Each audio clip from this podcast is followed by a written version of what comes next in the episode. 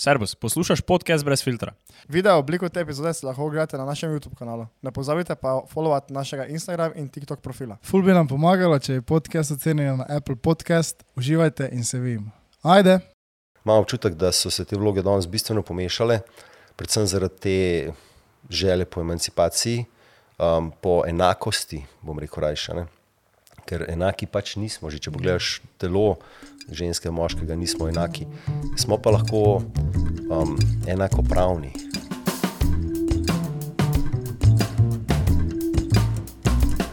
Kje vam je ta ideja?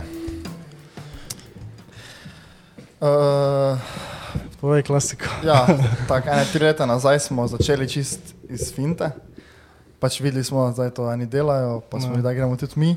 Pa sami smo se vedno nekaj menili. In pol smo bili tako, da probajmo. Ne? In takrat smo mogoče imeli malo drugo vizijo ali pa drugi pogled, kaj sploh mi delamo. Ne? Takrat smo mogoče delali tudi malo tako, ker pač je mogoče to bilo kul. Cool, Ja. Veš, pa doben še in tega dela. Uh, tako da se je z tega začela ne? neka taka finta, bolj kot ne. Zdaj pa, Mislim, ja. Isto je bilo tako, veš, ko rečejo, da vsi začnejo svoj band, ker bi radi full babe dobili. Tako smo mi začeli svoj podcast. Bravo. Ni znal noben- Ni znal noben igrati nobenih, ne. Tako na nivoju, da bi lahko imeli svoj band, pa smo pa svoj podcast začeli. Nismo Dobro, da znate pol eh, vrteti gobce. a ne? Ja, ja. Ja. Hvala Bogu. Ja, ja nič, uh, mi še imamo še malo naprej. ja, gremo.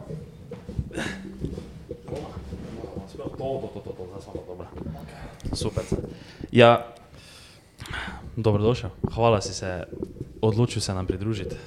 Ja, Hvala za vabilo, Ja, um, veseli. Kak- Sploh en tak format, ki je to danes, da smo štirje a veš, v studiu, nisem tisto ena na ena, tako in se mi dopade vaša zadeva, kar delate. In, uh -huh. lej, če lahko doprinesem kaj z veseljem, tako da. Opa, pardon. ups. uh, se pa navaj odzoveš na vsa povabila? Ne. Ne. Ne. Torej smo mi posebni, v bistvu. Si, si začutil nas malo tak, ne? Ja, no, ne si zdaj preveč laskate, ne, ampak ne, sem začutil vas. Ja. Mladi ste, um, željo imate, voljo imate, um, um, potrudite se in verjamem, da je za tem projektom, kot si sam rekel, bilo nek interes, kakršen koli pač je bil, da začnete, uh -huh. ampak ste pa pač že vaš nastop me je prepričal, koliko imate ogledov, koliko ste se dejansko potem dokaj profesionalno tega lotili, če že ne rečem profesionalno tega lotili. In sem rekel, ja, to je nekaj, kar želim v bistvu prispevati, ker namen podcasta, saj po mojem, je tudi to, v bistvu, da mi lahko na zelo kvaliteten, brezplačen način podamo ogromno vsebin za ljudi, ki so pripravljeni pač karkoli poslušati in um, vlagamo svoj čas, svojo energijo, svojo pozornost za to. In jaz se pač odločam, da za stvari, ki so dobre, želim pač to um, dati oziroma doprinesti družbi. In pač je feedback dober, ker če, če, če, če, imajo, potem, če jaz lahko naredim svet malo bolj lepši prostor, potem bo nekdo drug lahko mogoče pojem naredil za svet malo lepši prostor. Uh -huh. In bomo počasi, mogoče vsi počasi enkrat. Utopična misel, mogoče, ampak le. Samo poslušaš, da si? Veš kaj, Včasih sem jih bistveno, bistveno več. Um, zadnje čase sem se pa odpravil na en študij, oziroma sem začel pa izobraževati se. Um, tako da in na izobraževanju snemamo potem te zadeve. Veliko tega poslušam potem za nazaj, teh učenj, seminarjev, tako da sem pa podcast ogromno preposlušal, predvsem Rich Rowla sem veliko poslušal včasih. Ja, ga poznate, poznal, ja. njega, ja, ker sem ga veliko spremljal. Tudi. Potem Klemena sem poslušal dost. Um, celo sam sem neke podcaste še snemal, predvsem mm, sem imel te monologe. Um, Ja, drugače prav pa- sam, da si. Ja, kaj, video, jaz sem video veliko snemal. Ne? Uh -huh. Jaz sem snemal, razlagal pač tudi stvari, ki so mi zdele pomembne, predvsem glede odnosov, partnerstva in tako naprej, moške, ženske. Pa sem pa videl, da dejansko lahko dam to v audio obliko in dam v sliki podcastov, ker moški manj gledajo podcaste, kot jih poslušajo. Uh -huh. pač jaz sam nikoli ne gledam podcasta, da si dam YouTube in ga gledam, ampak pač poslušaš na kolesu, v avtu, pač kaj nekaj delaš. Ne? Kje pa si začutil to potrebo, da si ti sploh začel ustvarjati take vsebine? Kaj si vem, iz družbe opazil, da je tega premalo ali pa vem, kje je bil kakšen vzvod za tem? Veš kaj, vzvod je bil, da nikoli nisem bil zadovoljen s tem, um, kar sem počel. In sem začel iskati, brskati.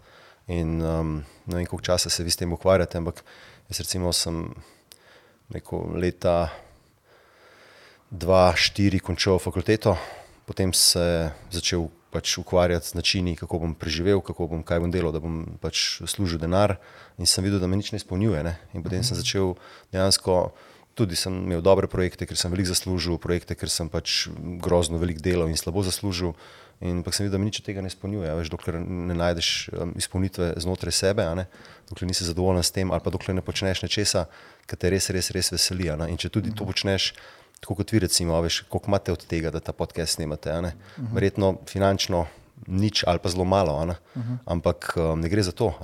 Ti gledaš stvar na daljši rok, kaj bo to prineslo družbi, in morda, morda nikoli ne veš, bo nek dan prišel, ko bo pa ta zadeva tako postala popularna, da vas bodo vem, povabili, plačali vam za oglase, kaj, kaj se in kako to deluje. ne.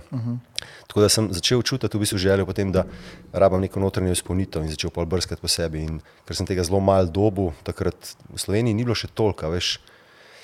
Rečemo, 20 let nazaj ni bilo toliko še, nisem imel interneta, ni bilo tega, da si kar s telefonom okrog hodil, pa imel neomejen prenos podatkov, imel si tisti gen giga, veš, in to si lahko pol porabil ali pa ne. ne.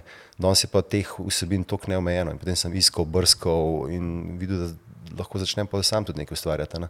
Pa sem sam začel ustvarjati vsebine, tiste, ki so meni manjkale. ne. In sem bistvu skozi to, ko sem jaz sam sebe izobraževal, to začel še deliti ven in potem na podlagi tega to ratalo nek moje poslanstvo, tudi v bistvu, da um, iz sebe izhajaš, ko sebe gradiš, potem to predajaš ven in potem res lahko iz lastne izkušnje izhajaš. ne. Ni tisto naučeno in podeljeno, ampak dejansko izživeto in prek izkušenj dano. pol, a ne.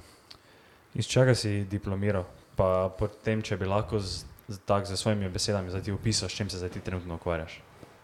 Ja, marsikdo mogoče bo čuden pogled, ampak jaz sem diplomant fakultete za šport, tako da sem diplomirani profesor športne vzgoje. Ja. A, ja. In sem večino življenja sem bil v športu, nikoli v nekem profesionalnem športu, ampak šport je mi je predstavljal del življenja. Ne? In vesel sem pa zdaj, ko za nazaj gledam, ker sem imel možnost diplomirati iz predmeta, um, oziroma temo sem si jo izbral, je bilo zdravje, harmonija telesa, misli in čustev. In to je bilo leta 2004, tako da je 20 let nazaj dejansko sem že razmišljal o teh stvareh, ki jih zdaj počnem. a ne. Da spravljam neko rekel, harmonijo telesa, misli in tega čutnega dela v neko celoto, ta holističen pristop. In um, me je podprl faks na marsikaterem področju, ker je bilo veliko um, uh, fiziologije, sociologija, psihologija, um, veliko se ukvarjaš z gibanjem, veliko imaš socialnih stikov, pedagogika, tako da dobiš odnose z otroki, dobiš odnose s starejšimi. Um, tako, mislim, res tak širok, širok, širok spekter vsega sem dobil in ve- velik nabor. Um, potem sem pa v bistvu začel ne, na človeka tudi jaz gledati bolj celostno, holistično, se pravi, kako lahko na človeško delovanje, na človeški ustroj, poleg tega telesnega dela, recimo, ki je fizična aktivnost ali pa šport ali pa karkoli, kako lahko na človeka pomagaš um, gledati še iz um, mentalne komponente, iz čustvene komponente, iz duhovne komponente. In pa sem tem stvarem začel pač posvečati neko pozornost. In ko se je to začelo nekako sestavljati v neko celoto, sem rekel, wow, to pa mene ge- žene naprej, ne, jaz želim to početi. Tako da zdaj trenutno sem, bom rekel, svetovalec za medsebojne odnose, zato ker vidim, da so odnosi tista stvar, ki to družbo poganjajo. Ne? In če bojo odnosi pač v kurcu, pol bomo šli kot družba, pač ne bo nam dobro se godil. Ne? Tako je treba res na odnosih delati, na teh primarnih, predvsem odnos z našo družino izvorno, odnos do samih sebe, odnos z našimi partnerji, partnerkami, prijatelji, um, z našimi otroki. In um, sem pa začel tudi zdaj, dve leti se ukvarjam pa z AEQ metodo, mhm. kjer sem postal učitelj zdaj druge stopne in prve stopne dihanja in nameravam to prakso peljati še naprej, ker vidim, da je ta komponenta telesa tako zelo pomembna. Tako da se zdaj v bistvu sem na teh področjih. Ja, Če se malo, čakaj, če se malo vrnemo nazaj, uh, rekel si, da si bil na DIFO. Mm. Med, jaz nisem na DIFO, A, med, ja, med študijem, uh, ne vem, kako dolgo si bil na DIFO? Tri leta? Ne, pet magist- let. Eno Aha. sem, eno, škrat, ni bilo še bolonca takrat. Aha, veš. aha. Tako da sem, bil, jaz sem še bil po starem sistemu, štiri leta plus Ja, diploma. Ne? Aha, okay. Ja. Recimo med eh, študijem, ne? Mm. si razmišljal, ja, jaz bom zihar nekaj v športu, ali Ne. ne, da boš čist nekaj druga. Ja, imel si možnost usmerjati, ne, ali Ja. ja. si šel usmerjati športno treniranje, Ja. ali športno pedagogiko, specialno vzgojo, ali pa recimo eh, športno rekreacijo. Uh Mhm. -huh. Jaz sem šel na športno rekreacijo v smislu, jaz bom ne vem, animator, um, turistični vodnik, Aha. uh, Ja. ja. skipper na jadrnici, take stvari. Recimo, Ja, ja, ampak pol si med študijem ugotovil, da to po mojem ne bo. Ja ugotovil sem, a zakaj, zato ker imaš prakso. Ne, Ja. ja. ne vem, kako imate vi, ampak imaš prakso na osnovni in na srednji šoli in ti dejansko moraš tam upraviti 100 pedagoških ur uh, učenja, Ja. ja. nekih uh, tamle na skrajšanem programu v Ljubljani, pri uh, Dijaškem domu Ivana Cankarja, punce, drug letnik, ki so tako ne da se jim preoblačiti, pa švicati, ker so vse z make-upi, vsak ima Ja. 16 jih je imel menstruacijo na isti dan. In ker se s tem ukvarjaš, vidiš, da dejansko nočeš tega. Ne? A Veš, pač ja, jaz nočem tega. In sem takrat ugotovil, dejansko, da je nekaj, ampak nekaj v, sm v smislu zdravja. Veš, ker tudi Aha. moja mati je začela že ja, 2005, um, štartala trgovino z ekološko prehrano v Lescah, uh -huh. dobra misel. Um, potem sem jaz, ko sem moj nek posel, um, se nisem več v njem videl, pustil sem se doma, potem zaposlil, postal direktor podjetja, vodil pet let prehrano, ne, se v prehrani dosti izobrazil, ampak sem videl, da se ene tle še premalo, ampak me je vedno me ta zdravje Ja, ja, človeka vlekal. Vendar ne samo telesno, ampak tudi predvsem tela, te, te mentalno pa čustveno, ne, to uh -huh. duhovno zna, uh -huh. zdravje.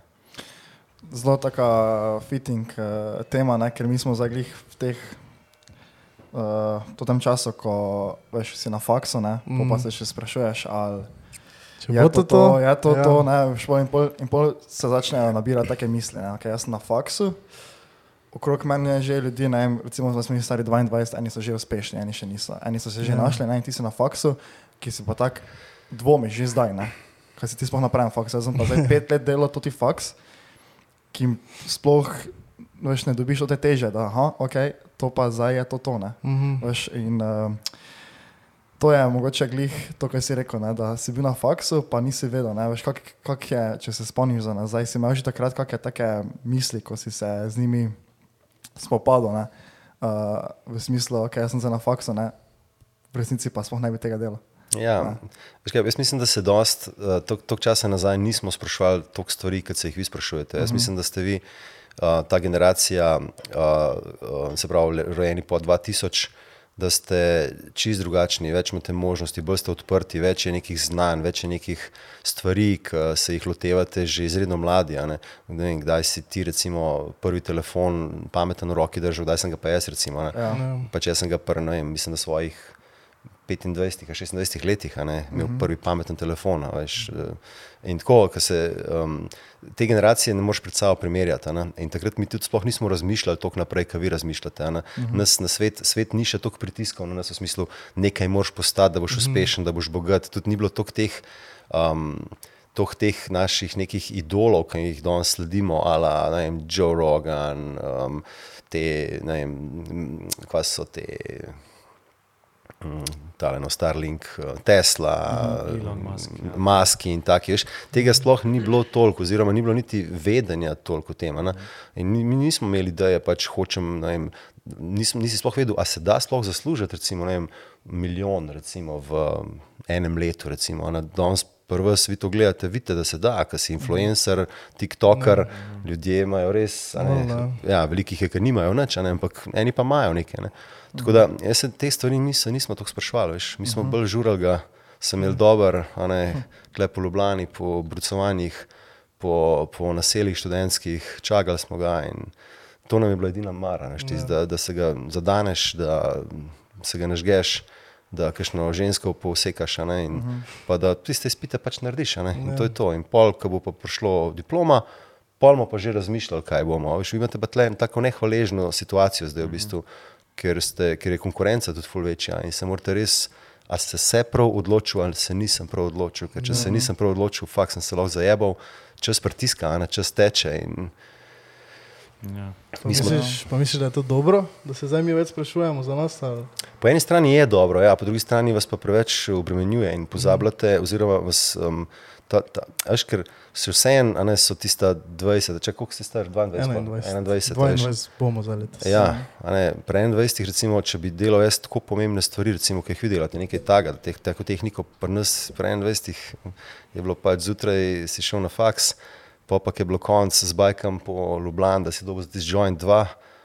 In to je bilo to, to je bil life. Na bone smo šli jesti, malo smo se jih izmenjali med sabo, zvečer do frenda, pa tiste jointe so si podajali, pa kakšen flaša vina je šla okrog. Veš. To je bilo vse, kar s čemer smo razmišljali. a Veš. Tako da v tem smislu ste, sigurno, bolj obremenjeni, ampak imate pa tudi več možnosti. a Veš, in je, je v bistvu lahko plus ali pa minus, kako ga ti vzameš. a ne. In, in mislim, da za mlade je ful pomembno, v bistvu, da se nehajo tako obremenjevati s tem, kaj drugi, ker se preveč primerjate z nekom, ki je pa že ne vem, uspešen, pa je star mogoče vem, 32 ali pa 42 in bi vi tudi radi bili tam. a Veš, manjka vam pa 20 let ali pa 10 let izkušenj. Ne? Ja. ne znanja, vi imate znanja ogromen, imate ga, ne, poiščeš ga lahko, da ga hočeš. a. Sam izkušnje so tiste, ki ti dajo. Tako da je čist smiselno, da se ti sprašuješ na poti svoji, a sem na pravi poti, ali nisem. Ker nikoli pa ne boš na napačni poti. Vsaka, tudi, tudi če ta faks potem ne boš imel nikoli veze z njim, verjemi mi, nekoč ti bo znanje nečesa, kar si na tem faksu se naučil ali pa izkusil, ti bo nekoč nekje prav prišlo. Siguran in ko boš nazaj to pogledal, še rekel, aha, zdaj vem, zakaj sem šel vem, na ekonomijo. Ali pa zdaj vem, zakaj sem napisal FDV. Ali pa zdaj vem, ker jaz nič ne delam v zvezi s športom, faks, fakulteta za šport. Ampak jaz ti ne morem povedati, jaz sem najbolj hvaležen, da sem ta faks delal. Res. Ker mi je dal drugega toliko, veš. a ne. Ja, pa veš, že tako, pri- to, ko si rekel prej, recimo, ko sem menil, ne Elon Musk, eh, Joe Rogan, pa tudi ne. Zdaj, ker smo res v taki dobi, mi imamo tako nekako inkomponirano, že recimo od, vem, od 14. leta naprej, ali pa že prej, ko smo dobili, ne vem, kdaj smo si naredili Instagrame, pa te zadeve, ne. Od takrat veš, si konstantno vsak dan v stiku z ljudmi, ki so. Ki jih gledaš, ki pa so nekaj uspeli. Ne? Pa ne. Elon Musk, lahko je to, ne vem, neki slovenci. Ne? Veš, ki so, recimo, tudi, če dosti konzumiraš tudi vem, slovenske podcaste, to so večinoma uspešni ljudje. Ne? Recimo, uh -huh. ti si, ki je gledal dialog, dialog ne, Klemen Selakovič, pa uh, Pravdič pa tako. Pravdič, pa tako dalje. Ne? Že to je tako podzavestno ti pride v glavo. Ne? Zdaj, že zaradi tega, pač jaz pri sebi vidim, že zaradi tega se začneš, pa sploh ne razmišljam o tem, ah, gled, Salakovič pa je to pa to naredil, uh, to mora nas tudi ne. Ni, ni tako, ampak vidiš, uh, ko on govori, da je on že ne vem, pri 21 delal to, pa to, pa to, pa je šel na svoje, pa šel na tista potovanja. Ne, mm -hmm. In si takoj, tak, fuck, ok, jaz moram nekaj narediti. Ne. Ja. Uh, in uh, ne vem. Tak to so primerjave. a Veš, Ja, ja, ja, ja, ja. Primerjaš se s potjo nekoga drugega in potem um, zanemarjaš svojo lastno avtentično pot. Uh Mhm. -huh. veš. In eh, jaz predlagam to ne, ljudem vedno. Da ne se primerjati ne, in potem iti tudi ti, recimo na Tajsko ali pa v Indijo ali pa veš v Himalajo, prodaš Ferrari in greš v Himalajo. Ne, se pravi, mm. menih, ki je prodal Ferrari, vsi pa to zgodbo defurajo, ampak to je od nekoga zgodba. Ne. Ja, Tvoja je lahko čist drugačna. Bolj, ko boš ti v stiku sam s sabo, bolj, bolj boš vedel, kaj je treba narediti. ne. Bolj boš vedel, kaj je tisto, kar te pogana naprej. In še ena stvar je, velikrat ljudje vidijo rezultat, ki je um, posledica velik truda in velik dela. Uh -huh. Klemena jaz osebno poznam in vem, koliko je um, ta njegov uspeh dejansko, um, kdo je zaslužen za ta uspeh. Nihče uh -huh. drug kot res ona. Ne. In je imel zafukane ne, stvari, da so do tja prišli. Uh -huh. In noben človek, ki je danes res uspešen, uber uspešen, ni prišel tja brez truda, ker dobrega ne moreš doseči, brez, ne more, ne more kar samo prijeti. Uh -huh. In veliko ljudi pa noče tega gledati. ne. Mi samo gledamo tiste, ki jim je slučajno uspel. Mm. Na TikToku vidiš tiste par milijonov ali pa Instagramu, ki se pokažejo, ne vidiš pa vseh tistih, ki mogoče se sploh ne kažejo, pa so tudi jim gre dobro, mm -hmm. ali pa tisti, ki se ful, ful trudijo, pa jim kljub temu ne gre dobro. Ja. In da treba biti malo prizanesljiv tudi do sebe, veš. Ker mislim, da ste zahteve sveta tako močne, da ste, da ste mogoče preveč strogi ali pa preveč zahtevni do sebe in bi tudi vi radi v bistvu že fakt možno je, kako to, da meni ne gre. In pa se daš pod pritisk, a veš, pa si on the gun veš čas, a ne. zdaj moram, zdaj moram, zdaj moram, zdaj moram. Ker pa ti deluješ pod pritiskom, si pa bolj v levi možganski hemisferi, si pa povezan bolj z tistim vidnim poljem, ki predstavlja nekaj 3% vsega, odklopiš se pa od svoje desne možganske hemisfere, ki pa tista, ki pa vidi vse, ki vidi več, ki vidi naprej. A, ne. a veš, da vi vidite, recimo, aha, ta podcast, a ima potencijala, ga nima, ni važno, mi radi delamo, čutimo, da to moramo delati. Mm -hmm. Zakaj? Zato, se radi pogovarjamo, zato, radi delimo dobre vsebine. In who knows, čez mm -hmm. pet let bo mogoče tole idejo prekašali. In bo brez filtra, tisti, ki bo na top shit slovenskih podcastih. Ja. In bo recimo Klemen ne vem, na petem, šestem mestu, recimo, vi boste pa takrat poharaga, recimo, mm. in pa boste knjigo napisali in boste vi povabljeni na podcaste. In, a veš, pa se pa, Hu, ne? Ja, ampak ni pa Ja. pomembno to zdaj v tem Ne, momentu, ne sme biti sploh, ja. Ja, ja, strinjam. ja. Fulje, to smo zdaj si tako si ti omenil, da se primerjaš za naprej z nekom, ne? ampak kaj pa še hujše, pa lahko, ko si ti primerjaš v trenutku, veš, ko vidiš neke svoje vrstnike, ki so pa že, veš, Ja, ful točno uspešni, to, to, ja. še te lahko najbolj. Ne, ker ti, če smo zdaj vzamemo ta primer Klemna, ne, ok, vredno, ne, ampak on je star koliko, 32, 33, nekaj tega, ne, in je Ja. vseeno, veš, še daleč stran, ne, ampak veš, ono pa je, eno pa je, ko ti veš, vidiš, ko Jani Pravdič objavi, da tu pri združenju JS ima podjetnike stare 19 let, ki delajo milijon prometa v svojih agencijah, ne? v enem letu, ne veš, to je pol lahko. Tu, če nisi pol, tako si ti rekel, v stiku s samim sabo. ne. Kaj pa, kaj pa te zmoti najbolj pri tem, oziroma kaj te najbolj, kjer energijo začutiš ali kjer čustvo začutiš ob tem? Saj, jaz bi rekel, da mene to mogoče ne na toliko. Sem, Okay, govorimo na splošno. ja, na splošno, ja. Kaj misliš, da ljudje ob tem začutijo, recimo največ? Ne? Kaj ti zaznaš, recimo, ko kdo o tem govori? Kjer čustvo. Eno zelo se mi zdi tipično čustvo za slovence. Faušija. Fašije. Ja. Ampak jaz bi tukaj fošijo izpostavil bolj kot zavist, a ne? ker fošija se mi zdi zelo slabšalno, uh -huh. zavist se mi zdi pa bolj pozitivno. Uh -huh. Ker recimo, jaz priznam, jaz sem bil veliko ljudem zavisten v življenju, ki so bili boljši, uh -huh. ampak potem te zavisti nisem uporabil kot um, sredstvo, da bi njih uničeval ali pa njih zaničeval ali pa njih poniževal, ampak sem to energijo uporabil, da je mene pognala naprej. Aha, -huh. tudi jaz bi to imel, kam on. Ja. Tako znanje, tako avto, tako izobrazbo, karkoli, toliko denarja, kaj lahko naredim, da bom jaz tudi tam. Pol me je pa ta zavist pognala naprej, razumeš? Uh -huh. In sem jo uporabil in zavist, moramo gledati na zavist kot na pozitivno čustvo. To ni samo slabo, ajga tega v zavistanje. Ja, če ti zdaj v bistvu skušaš njemu škodovati, pa klevetaš za njegovim hrbtom, pa ga pač nekam dol potiskaš, ja, v tem primeru je slabo, lahko jo pa uporabiš kot pogona, ne, da te pele naprej. In potem ti vidiš, kaj pa lahko jaz naredim v, tej, v tem. Moš povedati še eno stvar, ne, da m, otroci, ki pri 19 letih so dejansko še pač odra, odrasel otrok, si, no, um, da tak, ki je zelo, zelo, zelo, zelo uspešen na enem področju in ki toliko denarja dobi, kot ga verjete njegov oče, generacijo nazaj, ni zaslužil v svojem življenju, pa njegov star oče, pa star, star oče skupaj ga niso zaslužili, moš vedeti, da tak moški ali pa taka ženska, če je tako močno poseben ali pa strokoven ali pa ja, tako, tako vrhunski na nekem področju, pomeni, da je zelo vrhunski tudi v neki travmi. Uh -huh. veš, tako kot če gledaš ti, recimo, kolesarje, te, ki gledamo, pa to, ki so vrhunski, moraš vedeti, da vsaka vrhunskost za sabo potegne nekaj uh -huh. negativno vrhunskega. Tako da, uh -huh. kar se dobro sliši, pa vidi. Jaz imam doskrat stike s takimi ljudmi, ker k meni prihajajo na posvete z ženskami in moškimi in veš, da imajo vse, vse imajo. Ampak imajo pa tako razfukane odnose, uh -huh. da si tega ne želiš. Ja. Da ne bi zamenjal tistega milijona za, za to, da pač uh -huh. se sovražijo doma, recimo, ali pa da s partnerjem se sploh videti več ne morete, pa vsak vara drug drugega, pa uh -huh. to veste, pa sprejemate, pa je pa ga. Pa misliš, da je zdaj v teh časih dosti več takih, da so že od, ne vem, naprimer naši sovrstniki, da so, prišli, mislim, da so zaslužili zdaj veliko, dosti denarja, ne? ali samo na TikToku toliko več takih ljudi naprej vrže, da si pač ti misliš, ja, recimo, ne da je zdaj to normalno za ljudi, ali, ampak da jih je dosti takih, ampak jih v bistvu ni, ker jih TikTok toliko naprej vrže. Recimo. Ja, dobro vprašanje. Mislim, pa če jaz še vseeno kot starejša generacija, dobro, jaz uporabljam Facebook, uporabljam Instagram, TikTok, mm. mi je lansko leto začel en, en fant, so se zmenili za sodelovanje, mi ga je začel delati, ampak potem sem videl, da to je, tam je tako res. Ja. To je pa res za me, se upravičujem vsem olušu, dolušane, kašni komentarji, nizki, tam lecijo in take stvari. To, se, Ja, ja. To moraš res imeti tako, ne, ali moraš biti čisi imun na to, ali pa tako da ne poznam dobro, ampak jaz menim, da um, mi ne vidimo tistih, ki jim pa ni uspelo. Ja. Mi tega ne vidimo, ker če bi to videl, veš, ti ne bi ta stvar bila tako zanimiva. Ja. Ti vidiš tisto najlepše bebe, najhujše tipe, vsi so totalno zdefinirani, vsi so zrezani, vsi imajo ne vem kakšne uibar jahte, skozi so Abu Duba, Dubaj, Abu Dhabi, un tri četrt, ne vem kakšne sanske destinacije.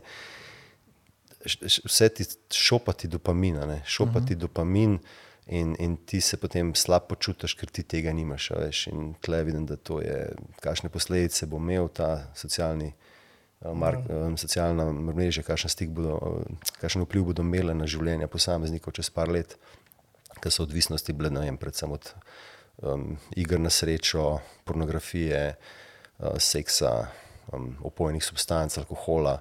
Bo, jaz mislim, da če ni že, ne, bo to, to v bistvu odvisnost od socialnih omrežij, odvisnost od telefona. To taka. To, ker to, to te tako stimulira, to te Ja. tako te. a ne. Kaj v svojem delu se dosti srečuješ tako z moškimi, mladimi moškimi? Tako, naprimer, tu ne vem, naša generacija malo starejši ali so to bolj starejši? Ej, vedno več je um, tudi fantov, moških, mladih, ki pridejo od starih, recimo od tam, najmlajši je bil sicer nekaj 19 let, ampak drugače so tam od 24, jih je ne par bilo, drugače pa večinoma so mojih let. Um, Včasih malo mlajši ali pa doskrat starejši, se pravi tam rečemo od 35 do 50 let. No. Kaj pa, s kakimi težavami misliš, da se trenutno tako srečujemo, mi mladi? Razen za to, kaj smo zdaj vse govorili, ta ne vem, primerjava, pa da smo izpostavljeni toliko temu blišču prek socialnih medijev. Kaj bi rekel, da so še druga? um, avtentičnih odnosov. Avtentičnih odnosov, um, predvsem med, um, med, uh, takole med vrstniki, recimo, ker je toliko enih distrakcij, ki ti onemogočajo, da bi vem, samo sedeli in se pogovarjali. Recimo, ne. Zdaj vidim, da vi ste rekli, ne, da, se, da ste štartali predvsem iz tega, ker se radi pogovarjate. Tudi, ne, tako, ne, spiješ pivo, skadiš en joint, pa se pač pogovarjaš in se meniš in se meniš in se meniš.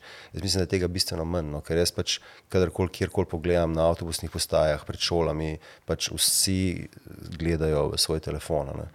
Ali pa imajo tiste ta male zvočnike s sabo in nabijajo neko muziko. Tako ni več teh pristnih stikov.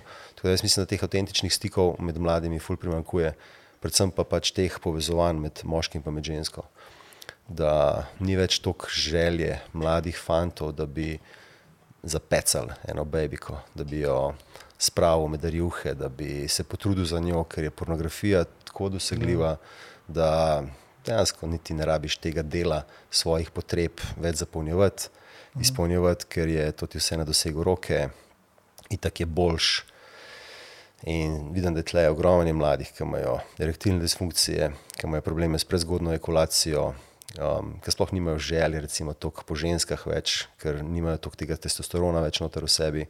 Um, eno je verjetno hrana povzročila, ker je pač drugačna gensko spremenjena, drugo je pač to, kar je v vodi, razni te bisfenoli, pa to, ker je plastenk tolk in to. Te bisfenoli, se pravi, mo- motilci hormonski sprožajo, pač, da se um, ne razvija več tako ta moški spolni hormon oziroma spolni hormon testosteron.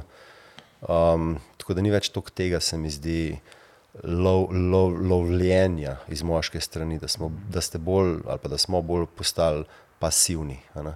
Ta pasivnost je tista in da, ah, lej, se bo čakalo v življenju, da se pač nekaj zgodi, vmes pa, lej, bomo že nekako. Ne. Misliš, da je to neposredna povezava z pornografijo? Ali... Kdo bi vedel, lej, Ja. um, lahko je vzrokov, jaz mislim, da je vzrokov več, no pornografija ima tle siguren, pač zelo, ja, noro veliko vpliv. Ne. Mislim, škoda, ki jo je pornografska industrija ustvarila, mi se niti ne zavedamo. Ne. Mhm. Mi smo včasih pač porniče gledali, se spomnim, sem šel do Frenda zjutraj pred šolo na preduro, pa je najdel od fotra video kaseto, pa sva gledala tisto, pa to je bila slaba kvaliteta slika. Uno. Ampak pač to je bilo to, ne, to ne je bilo dostopno. Pa, pa se pravi, jaz sem prvi internet dobil, mislim, da sem bil star nekih 15-16 let, je bil prvi internet, ampak to tisto, tu, tu, tu, tu, tu, tu, tu, tu, to je počasi, to se je slika nalagala, pet minut, kaj šle, da bi video gledal, tega ni bilo. Ne. In smo pač drkali na te stvari, ampak to je bilo tako malo tega, pa mm. itak nisem mogel, a ne, ker to so mogli starši spati in vse. Mm. Danes pa mislim, da ta. knjižnici računalnikom. Ja, ne govori. boljši internet. Mislim, da jaz fantom na delavnicah razlagam, ker so pač moja generacija, kaj smo začeli, to smo bili vsi isti, razumeš, to smo drkali na kataloge, ki so bili noter ženske modrečke prodajali, pa to, razumeš. Je, pač ni bilo drugega, ne. Uh, Veš, danes imaš pa ti tle Mija Khalifa, anytime, anywhere, with an, anyone. Ja. mm, Tako da uh, to, ko si omenil substanco, to sem nekje prebral, da kaj najbolj vpliva ne, na znižanje testosterona, ne, so računi. A res? računi. Če bi Ja, ti neki podatek, je bil to sicer ne vem, kak je za to, če je to za fakt, ampak če bi se ti, ne vem, neko, neko časovno obdobje je bilo, da bi spal v računih, noter, ne, bi ti imel ono strupeno nizki testosteron. Tako da bi veš ti, da bi predstavljal, Ja. da bi bila pojsla, pa bi ti samo si račune, no, da bi ti imel toliko stika s tem vrhnim slojem računa, ne, Ja. bi se tebi testosteron pač ono znižal. Čakaj, v smislu računati za telefon, za kakšnega računa. Ne, recimo Računa. z trgovine.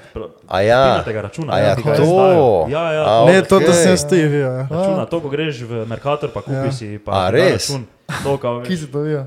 Ne vem, ki sem to slišal, mislim, Na na enem podkastu je to nekdo rekel. Ne, ne. Dej, dej, dej, to je pa vredno pre, po, Ja. Ne, preveriti malo, ja. ampak kao, da ti nimaš takih problemov, ne vem, če ti greš trgovino, pa vzameš račun, to ti nič ne spremeni, ampak ne vem, tudi prodajalci, ko pa so vsaki A ja? pet minut stiku z računom, to pa da je ful znižek. Ja, ja. Wow, ej, zanimivo raziskati, to pa nisem vedel. Da. Pa ko si rekel, kak si rekel, da zaporniče za pornografijo, pa si rekel, da je to itak boljše. To je taka zanimiva. Veš, kaj, Ja. da, mislim, komu Ja. ja. tako razmišlja? Veš, ker mi ne tako razmišljamo, definitivno ne. Ja. ne. Uh, Ampak sem že čutil dosti Kdo je Folga to tako veš, pa kaj, grem domov, pa si ga zdrkam. Tam sem v Uni, pač ne vem, šel do mene babe, sem ga doma zdrkal, hvala lepa. ja. Dosti krat sem ga tam. Mi imamo mogoče vseeno to, to srečo, da Nimamo problema. nismo, to, ko si zdaj opisoval, ne, jaz v svoji družbi ali z njima ali z drugimi, uh, ko hengam, ne vem tega. Ne. Mi Ja. smo še, vseeno, ok, se smo, ok, dobro, se trudimo, zdaj vsak po svoje, mogoče malo bolj, kot se sem mogoče vi, kar se tiče karijere, ampak še vedno se mi zdi, da ohranjamo toto.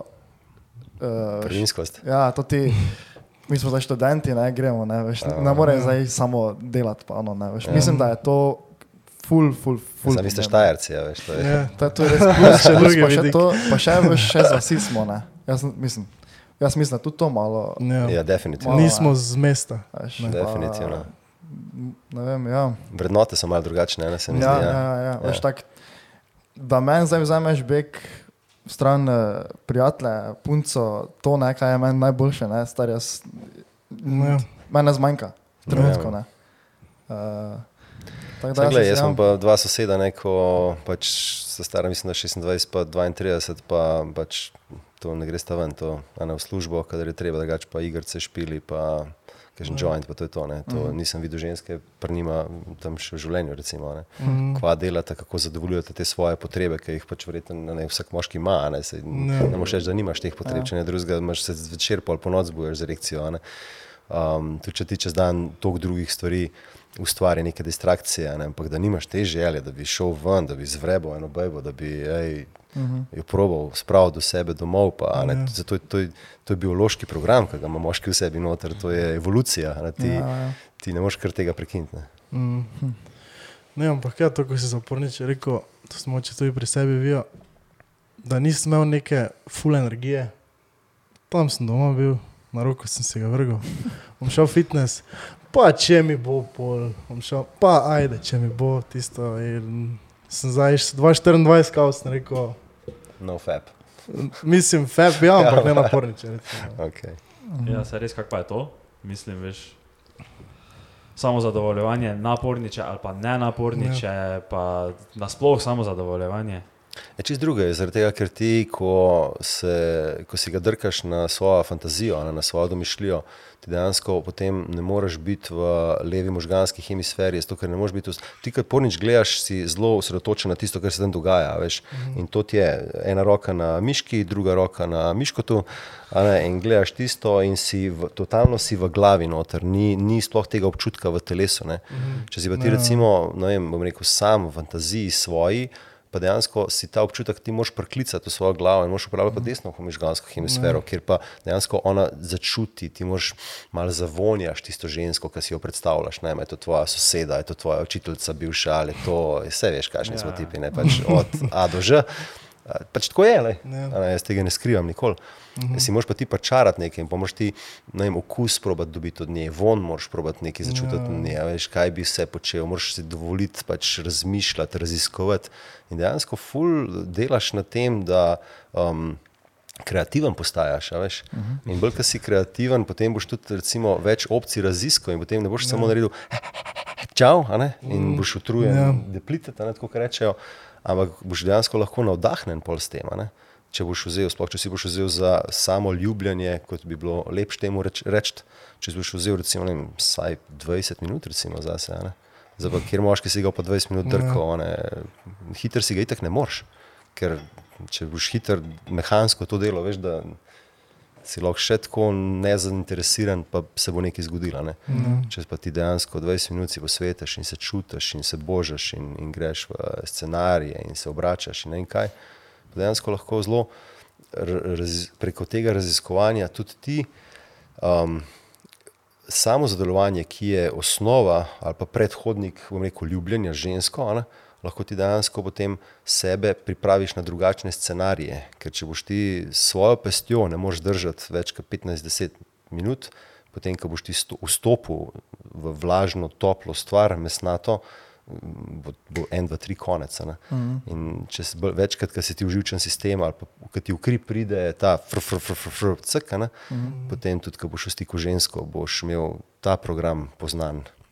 Tako da že zaradi tega vidika bi bilo bolj, da si vzameš čas, da fantaziraš, da, da ni samo no. Pa predvsem, da se vprašaš, zakaj. a ne. Kaj hočem zdaj, a sem živčen, a me kaj jezi, a sem žalosten, a sem ne, ne anything. Ne?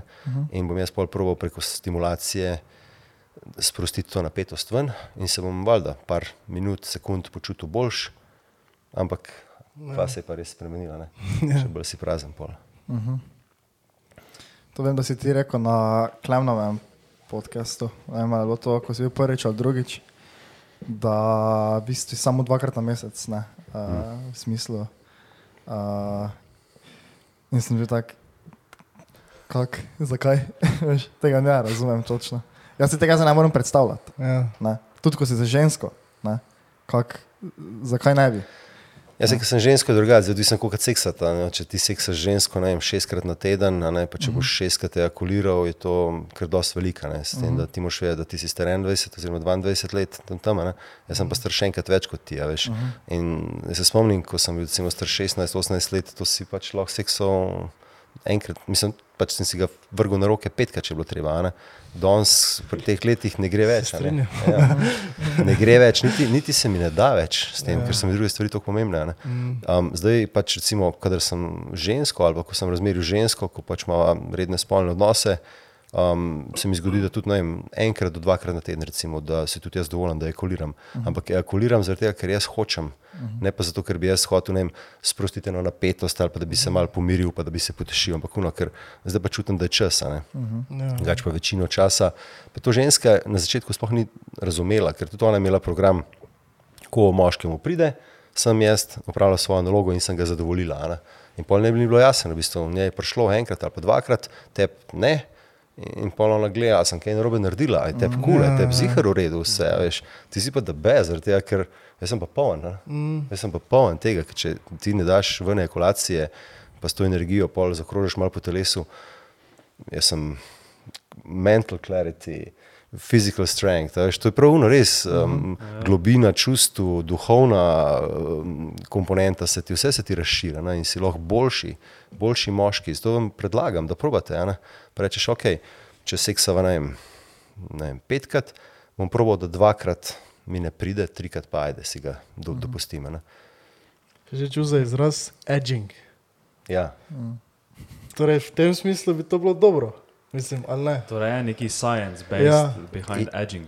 Ja, je, sam problem je veš kaj v tem, da edging doskrat povzroča, če neš kaj delaš blue balls. a ne. Ja. Ja. In če imaš pa blue balls, pa ni fajn, se pravi, pa imaš pa bolečino, pa te boli, zato se je vsa energija akumulirala na tvojem genitalnem področju in edini način, da boš to energijo ven dal, je potem skozi ekulacijo. a ne. Tako da je že pred edgingom treba dejansko priti do tega, da začneš ti naučiti se upravljati s to energijo po telesu. In pač to ni najlažje, ni pa tudi najtežje. a ne. In to najbolj delaš, ko si sam, recimo, ker ko boš žensko, to bo težko. Ker ko ti gledaš tisto njeno formo, vse, kar ti na njej všeč, ne, pa tega ni mal, boš težko ti konšes takrat. a ne. Moj učitelj, jaz sem predajdi, David Dej, da sem se veliko učil, to vam predlagam, če boste to kaj brali, če vas zanima spolnost pa duhovnost. vam res predlagam. Um, the Way of the Superior Man je pač tista najbolj osnovna knjiga, ki je, ampak pa imaš še večje knjige, recimo, mislim, boljše. Blue Truth je recimo meni najhujša, um, modra resnica. Um, in on, on dejansko govori o tem, da težko je biti conscious, pa še imeti pozornost na ženski. Um, pa se z njo ukvarjata. Veš, in je rekel, znaš, naučiš se lahko, da ti si z njo, pa da ona te čuti, da si z njo, da jo obožuješ, da jo gledaš, da jo obožaš vse. Istočasno si pa lahko dejansko tudi zavesten tega, se pravi, to be aware of awareness, a ne? da se ti zavedaš tega, da se zavedaš. A veš, in to je pač tista pa meditacija, ki ti da. Ko greš pa ti v meditacijo in se zavedam se, da se zavedam. Are you aware of being aware? A ne? In Tako, kva? Meni je bilo to prvič, kaj je tabo, a ne, kaj ti govoriš. Pa pa, ko greš v to, pa se pa ti zavedaš, da si ti dejansko, najboljši primer je, da si ti žensko v sobi, eh, v sobi fizično in v sobi, bom rekel, metaforično, istočasno je pa en del tebe, ki se mu lahko reče zavest, izven sobe in opazuje to situacijo. Tako kot v meditaciji, če kdo izmed vas ste meditirali, verjetno kdaj ste, ne, ne. Mislim, jaz sem poskušal, Ja. ampak nikoli nisem prišel v ritem, da bi to redno delal. Lej, meditacija je pač tista, ko se usedeš in potem se zavedaš tega, da se zavedaš. In kada bi v bistvu na sebe opazoval z neke ptiče perspektive, recimo, ali pa s kjerkoli, in se opazuješ in opaziš vse, in nič ne reagiraš na nič. Veš, samo zavedaš se, da se zdaj zavedaš. ne, In pol ohranjaš to zavedanje, koliko časa ti pač ti, ti gre. Ne odganjaš čustev, ne odganjaš misli, samo zavedaš se, da to čustvo je prisotno, aha, ta misel je prisotna, ampak zdaj se zavedam. In pol ne dovoliš, da te odpele v vrtiljaka, veš, da greš v nek uh, roller coaster. Ne? Tako da tle je, ta edging je krasna stvar, sam je pa treba pač biti pozoren na to, ker lahko res se zadržuješ, se umikaš, vse, ampak s časoma bojo začele boleti od spodaj. Ne? In to tako boli, pol, da pač moraš si ga na roke vršiti, da gre ven, da sprostiš to energijo. Ali pa zaokrožiti to energijo po telesu, pa jo pelati in nahraniti, bom rekel, svoje možgane, svoje srce. Nekaj prakse, ampak se da, no, ni to težko. To je za mene osebno še ful prehitro vse skupaj. Tudi to, tudi to, kar smo zdaj govorili, da mislim, jaz zdaj pri sebi vem, ok, mogoče mogo provat, ne, ampak veš, zdaj, ko je akcija, ne, ko si spunca, jaz tega zdaj trenutno ne mogo delati. Što se mi isto zdi, tako si rekel, da mi zdaj ful prehitevamo zadeve, ne, veš, zdaj, če si star 22, jaz še tega ne bi mogoče začel tako pre, prakticirati. Veš, zdaj, ko si spunca gas, ne. mislim pač, ne. Ja, voljda, ja. Uh, itak začneš gledati malo drugače na stvari, zdaj je drugače kot pa ko si pri 18, a pa če si pri 22, je nekaj. Mhm. Seveda. Ne, Ja, da ja, tudi ja. če mogoče malo gledaš z vidika ženska, da ti njo mogoče dejansko malo bolj začutiš, kaj je naj, kaj naj kul. Ne. Mhm. Da se ne sek začne dejansko takrat, ko ga daš not, ampak da je že full prej se zgodi. ne. Bravo, ja. Um, to sem jaz full opazil, da. Ampak to ti da oporniček, ker ti tam vidiš, Ja, ja, ja. ja. Samo, tam vidiš samo tisti, tisti šus, Ja. ja. in, ampak je to, v bistvu pa glih kontra temu. Ne? Ja. Ni, ni vseeno. Um, ampak ja, zanimivo. No? Jaz mislim, da se strinjam s tabo, ful in je tudi prav, da dejansko ne poskušaš delati nekaj, kar ta trenutek še ne čutiš. a Veš? Ja. Ker če zdaj že gledaš na to, da ja, seks ni samo penetracija in žgane in kamen pride je konc, ampak da je seks še. Kaj ti vem, preneseš rožo, včasih čisto za brez veze, uh -huh, uh -huh. in rečeš, da je lepa, jo stisneš, ko vidiš, da je hudo. Recimo, veš, tudi to je vse v seksu, Ja. ja. oziroma intima. Ne? In da to, če boš ti na tem področju naredil več, bo tudi potem dejanski seks bo lahko bistveno, oziroma ne bo lahko, bo bistveno boljši. a Veš, in se bo začela bolj povezovati. Potem pa sčasoma rasteš. a Veš, vse sem zelo podobno ali pa še manj zrelo razmišljal, kot ti razmišljaš zdaj. a ne, Ko sem bil v tvojih letih. Pa pa pride čas, ki rečeš, ok, is there anything more, a veš, a, a še kaj obstaja drugega. -huh. Ker pa ti pa ta nabijanje pa postane že po enem času. A, a se lahko še kaj drugače a veš, zgodi? Uh -huh. pa, pa bereš knjige, pa vidiš, up, mater, se obstaja še to, pa obstaja še to.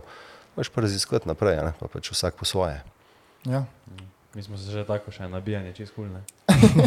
Ne, ampak zdaj se je začel ne. dogajati, se je začel dogajati neki shift. Ne. Ja, Zdaj smo že vsi ja. ja. tako, pa va, nam zdaj skr eno tam. Ja, vuni, ne, točno to, tak, točno ne. to. Ne da se Točno ti to. več toliko, ne. Veš, si že malo, gremo malo bolj uh, v globine, tudi drugo smer. Ne. Mm.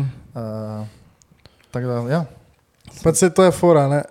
ni več toliko, ja, gremo ven, imam zdaj ko eno, nabijam, hvala lepa na svidenje. Ne? Uh -huh. ne vem, ti je vseeno fajn z nekom, ko ga že malo poznaš, veš, kam je fajn, ona je tudi kaj tebi fajn. Ja. Pa ne vem, pol tuji. Pa da imaš dejansko rad. že, Ja, ne da samo pofukaš, pa hvala lepa, ampak ne vem, se fajn pol stisne, se malo. Ne? Mm.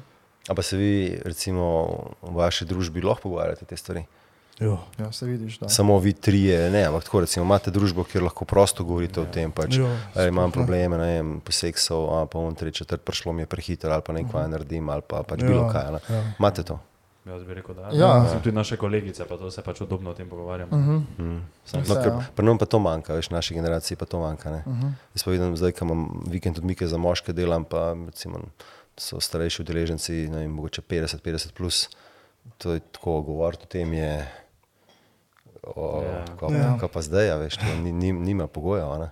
Že ne je malo čudno. Jaz sem dva prijatelja, res, res, res dobra, um, pa se lahko do neke mere z njima to pogovarjam, ampak da bi pa šel res uno v totalne ekstreme, pa ne gre. Ja, to se je, mogoče se je zgodilo malo preskokno. Tak, Ja. Glede tega, kar je super. Ne? Ja, se mi zdi, Ker veš, ne vem, jaz se z fotorom o takih zadevah nisem pogovarjal, ne? zato ker še moj dedek ni z njim pogovarjal, ne? ker ni bilo, ni bilo sploh časa za take zadeve. Ne? In jaz sam mislim, da če smo mi zdaj pri 22, pa smo daleč od tega, da bi bili dozoreli, ne? še ogromno placa, ampak če smo mi že zdaj na neki poti, da vsaj poskušamo razumeti malo bolj same sebe, ne? bomo mi dejansko dosti boljši, uh, kako bi rekel, mogoče bomo lahko naslednjo generacijo mi malo boljši vzgojili, ne? naše otroke. De, definitivno in to, moral, to bi moralo biti, se mi zdi, glavno vodilo vsega tega, veš, Mhm. -huh. da to mi počnemo. Kdo ima to zavedanje, se mi zdi zelo dobri poti. No, da to mi počnemo dejansko vedno za naslednje generacije. Uh Mhm. -huh. veš, naši starši so imeli primankljaj tega od svojih detkov in babic, od, mislim, od naših detkov in babic, uh -huh. ker takrat se je po vojni gradilo državo zopet, ne, gradilo se je hiše, gradilo se je podjetja. Naši starši so bili otroci tega ne, in so uh, ustvarjali ta prosperity, ne se pravi to, ko se reče. No.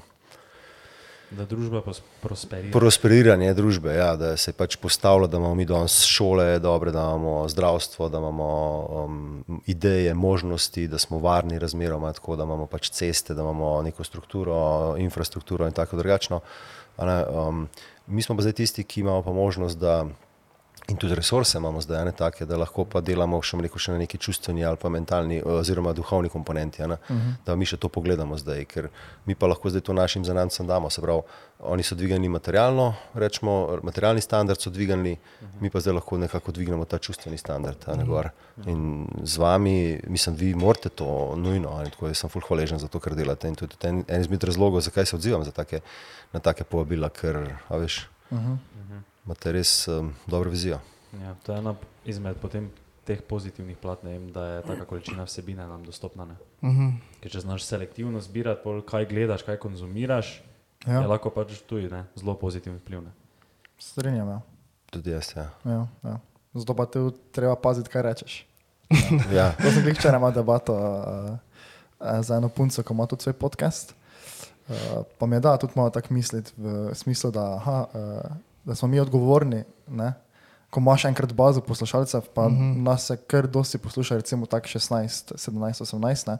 tam ko si še itak, sploh ne veš, kdo si, ne? gradiš nekako. Tam se, takrat se začne neko grajenje, neke identitete. identitete ne? um, je treba biti ja, pazljiv, ne? vseeno, imeti odgovornost, biti družbeno odgovoren, je, kaj ja. rečeš. Ne? Mhm. Uh, kar mi včasih malo, ne, Pozabimo. malo pozabimo, včasih in tako ne, rečemo kaj takega. Ampak vseeno, no, to smo, vseeno smo pa na koncu še vseeno mi. Ne. Uh, tako da ne. vem. Veš, Ja, na vseh straneh je odgovornost. Ne? Tisti, ki posluša, pa tisti, ki, ki pripravi neko vsebino za poslušanje. Ja, sam prevzameš pa lahko sam svojo, ne, tudi ker fora je, da ni nujno, da bo človek razumel slišano na način, kot si ti želel povedati, veš, ker je pa med nami ta informacijski vakum, ne, lahko ta šum. Se pravi, kar jaz povem, ni nujno, da bo slišano na ta način, kako sem jaz hotel povedati. Predvsem verjetno tudi zaradi mene, ker je v meni prišlo preko mojih idej, pa misli in dogovora do neke popačitve nečesa. Se pravi, da nisem povedal na točen takšen način, kot sem si jaz to zamislil. Ja. Potem pa še tvoj sprejemnik, ne, se pravi, tvoj všes, pa tvoji možgani, ki bojo to informacijo, pa tvoja podzavest, ki bojo to najprej, ker vse, kar mi dobimo, gre preko podzavesti do, naših, do naše zavesti. ne. In vse predelamo in obogatimo, obarvamo, dodamo naše lastne izkušnje, občutke in tako naprej. Siguren je to mislil. S takim tonom je to rekel. Uh -huh. Tak ton je uporabil pa moj oče, ko mi je to pa to rekel. Se pravi, ta moški, ne vem. Mi hoče slabo, ali pa to je pa ful prijazen do mene. Recimo, veš, povežeš z neko mm -hmm. izkušnjo, pa, pa do tebe prije še malo popačeno. Veš, tako da ti lahko prevzameš, jaz vedno tudi rečem, jaz prevzamem odgovornost za to, kar napišem in lahko to argumentiram, prevzamem odgovornost za to, kar rečem, lahko to argumentiram. Zdaj, kako boš pa ti to razumel, pa žal nimam jaz vpliva več na to. Mm -hmm. Res nimam vpliva. Ne? Jaz lahko napišem, ne vem, pač, um, ko pišem veliko moški, ženske odnose in pa so razno razni komentarji. In pol včasih sam rečem, gledaj, jaz prevzemem odgovornost, to sem napisal, lahko ti povem, zakaj sem to napisal, vendar ne morem pa prevzeti odgovornosti, če si ti razumel drugače, kot sem jaz želel predstaviti. ne. Tako da tle morate vedeti, da ni zdaj vse, a ne samo moramo biti odgovorni, kaj če bojo. Če bojo, bojo pa uh -huh. tako slišali. Ja, ja, ja. To je isto, mislim, da Klemen napisal na koncu svoje knjige. Uh -huh. Pa sem se jaz to pogovarjal z nekom, da pač veš ti lahko to njegovo knjigo za citati, ne pa razlagam, mi prebereš zdaj, pa prebereš čez eno leto, pa boš mogoče čist drugače razumel. Ne? ja. Veš, boš čist drugače dojemal to, kar je on napisal. Odvisno v kakšni situaciji si ti, kak si ti zdaj čustveno, kaj se tebi dogaja. Vlač. Zagotovo. Ja. Uh -huh. In poslušal podcast. In zato jaz, ki sem jih prej vprašal, kako podcaste poslušam, ne poslušam te predavanja iz teh seminarjev, kjer se izobražujem, ker tam slišim na, skozi en filter, uh -huh. potem ko sem neko izobraževanje dal čez, se nekaj v meni zgodi, -huh. in pol čez dva tedna, ko se to malo sede, slišim stvari, tako, fuck, se tega sploh nismo pogovarjali, veš. Uh -huh. In jih sploh nisem še slišal takrat, ker nisem bil pripravljen za to. Recimo. Potem jih ne vem, čez dva tedna slišim stvari, ali pa tiste slišim. A ja, to je bilo pa tako rečeno, a ja, ok, zdaj še le štekam. veš.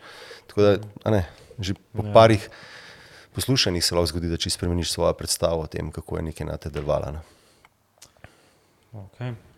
Kaj pa, če se malo dotaknemo uh, monogamije in poligamije.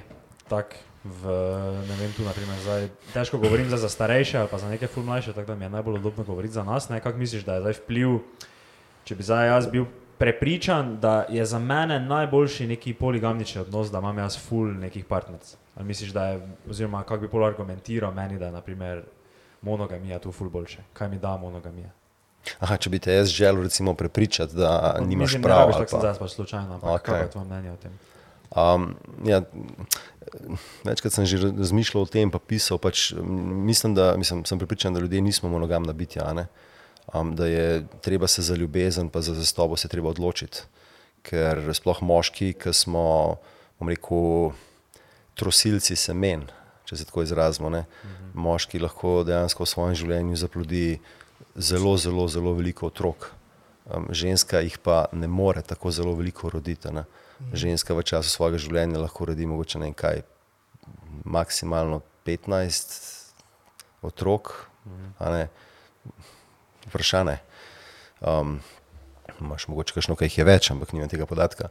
In um, mislim, da je tukaj res treba se odločiti, ali smo na tej poti, da bomo zavestno šli v monogamijo, ali bomo pa pač recimo ostali v nekih odprtih odnosih, odprtih vezah in z večjimi partnerji. In če bi eh, uporabil besedo argument, um, zakaj jaz osebno mislim, da to ni ok, ali pa zakaj bi tebi svetoval, da se raje drži ene ženske in z njo razvija odnos, je zaradi tega, ker bolj ko si razpršen, manj greš v globino. In manj ko je čustvene zrelosti pri človeku, manj si upa iti v globino. Zato ostaja na površini in drži samo neke površinske odnose, ker ti boš zelo težko imel šest ali pa štiri ali pa tri zelo, zelo globoke odnose z štirimi ali pa tremi različnimi ženskami. Jaz mislim osebno, da je to nemogoče. Prvič, časovno nimaš toliko časa, da bi, ker rabiš veliko časa preživeti s to žensko, da res spoznaš, da se potopiš z njo v neko globino, da greš ta res preko travm, preko vzorcev, preko prepričanj, preko vrednot, ki vaju nekako povezujejo skupaj, da najdete neko smer. Um, s štirimi ženskami boš to zelo težko delal. Ker, rečem pa še to, ne, če shendlaš eno popolnoma, da bo ona vsak dan tipi topi, pol imaš šele pravico, da greš še iskati drugo ali pa tretjo ali pa četrto žensko, če ti je to res premalo. ne. Samo jaz mislim, da je pač tle neprimerna oziroma ne dovolj visoka čustvena zrelost tista, ki nam preprečuje, oziroma s katero se mi prepričujemo sami sebe, da monogami, monogamija ni za nas, ampak da pač ostajamo na površju, le, you never know, life is short, da se imeti mm -hmm. fajn, le, se kul, cool, ne moti me, če imam toliko partnerjev, tudi njo ne moče, ima toliko partnerjev, vse super, sam ni globine, no. to je moje mnenje. To sem dobro mislil, ko si rekel, da vsak prije z neko zvezo s travmami. Kao, da vsak v zvezo prije z neko svojimi kufri, Mhm. za enih ima več, enih ima manj, za pa boš te kufre sam razložil ven, pa boste skupaj delali, ali pa se v to oba dva spotaknila prek. ne. In Pa, pa zdaj, če pa daš, da prije tri ženske, vsaka s svojimi kufri, pa. Veš kaj, saj se ne boš tako povezal, ne Ja, boš šlo tako točno to, globoko, ja. veš, ne gre, res ne gre. Pa tudi vem, da bojo skušali ljudje prepričati, ker danes je ogromno nekih odprtih vez. Mislim, da tudi nek podcast sem gledal, ki ima ta dva, ki se pravi izpostavljata javno, govorita o svoji odprti vezi in tako naprej. ne. Sam um, kot terapeut ali pa kot svetovalec ali pa kot učitelj pač te nazive, nekako, eh, za katerimi stojim, res vidim veliko. Um, veliko vidim tega, kar mogoče drugi nimajo toliko pogleda v to. a ne. Slišim zgodbe ljudi, ki jih pač ne, ne delijo prek Facebooka, ker ti moraš vedeti, da vsi ti srečni, govorim tudi o teh, ki so lahko pizda najhujši tle influencerji v Sloveniji, ki so na zunaj, top shit, imajo po 40-50 tisoč followerjev in so nasmejani in družine, so zgodbe niso takšne, kot na Instagramu izgledajo. ne. In to se mora vsak zavedati tega. Veš, valjda ne bom nikogar po imenu izpostavljal, ampak gre za to, da je um, prikrito, um, kot je rekel princ, bistvo je v čem nevidno. Ne? To mi ne vidimo sploh tega, kar je bistveno, mi vidimo samo tisto, kar želijo, da mi vidimo. a ne. In tukaj je ogromno enih stvari, ki ljudem povzročajo težave. Ena je tudi ta pač um, odprte veze, um, nezmožnost globokega povezovanja um, z nekom, ki je tudi pripravljen se s tabo povezati. a Ne? Ker ne glede na to, me bojo zdaj obsodili, menavijo, gejovski lobby je karkoli, ampak pa če še vseeno stojim sveto za vezo moški ženska. a ne. Uh -huh. Ker tudi to se mi zdi, da je osnova, da gre lahko sploh civilizacija naprej. Uh -huh. ne, ker če tudi narejena sta nekako za skupaj, pač moj penis gre v njeno vagino, žal, ali, ali se je nekdo res zmotil. In vsa ta prepričevanja od ljudi, ki zdaj so transpolniki in menjajo spole in tako naprej, češ ob rojstvu so se zmotili, jaz sem se rodil kot ženska ali pa jaz sem se rodil kot moški, ujet v žensko telo in tako naprej. se mi zdi, da je premalo stika s tem, kakšne travme so za vsem tem, ki so to povzročile, da se ljudje pol. Um, Vem, da mogoče bo za koga kontroverzno, ampak mi če se vse en res. In še eno bolj kontroverzno vprašanje. Misliš, da je to že obrojstvo, ko se človek rodi, ali se to skozi vzgojo? Uh, Jaz mislim, Jaz mislim, da še ne vem, koliko ste kaj slišali te stvari, ampak dejansko um, ženska, ki je v trebuhu svoje mame, uh -huh. v maternici, kot plot, kot fetus, kot punčka, ki se razvija, ima v sebi že vsa jajčeca za nastanek novega življenja. Uh -huh. Torej, ti si pa jajčece, si pa že potencialno nekaj, ne? samo še semenčica manjka. Se pravi, jajčice je že en del gena, kromosoma, ki bo pomemben del pri nastanku z združitvijo drugega kromosoma, moškega, pri nastanku novega, novega življenja. Torej, je že kako se je mami recimo, življenje dogajalo med nosečnostjo ali pred nosečnostjo, kakšne travme je ona imela, kako je okolje na njo vplivalo. A se je ona počutila ob svojem moškem varno, a je živela v varnem okolju in tako naprej, bo vplivalo ne samo na to, kaj se dogaja v otroku, ki je šele v njenem trebuhu med nosečnostjo, ampak celo na njeno vnukinjo, ki se bo rodila lahko čez vem, 30 let, recimo, ali pa 40 ali pa 25. a ne. Tako da tok delece. Preberite si kdaj te podedovane družinske travme, recimo knjigo, ali boste videli, v bistvu, kako se te travme prenašajo iz generacije na generacijo. Tako da odgovor na to vprašanje ne samo ob rojstvu ali pa naprej, ampak že celo pred rojstvom se to dogaja. In je tako. Včasih folk sploh ne ve, a veš, zakaj imaš v sebi noter tak strah. Recimo.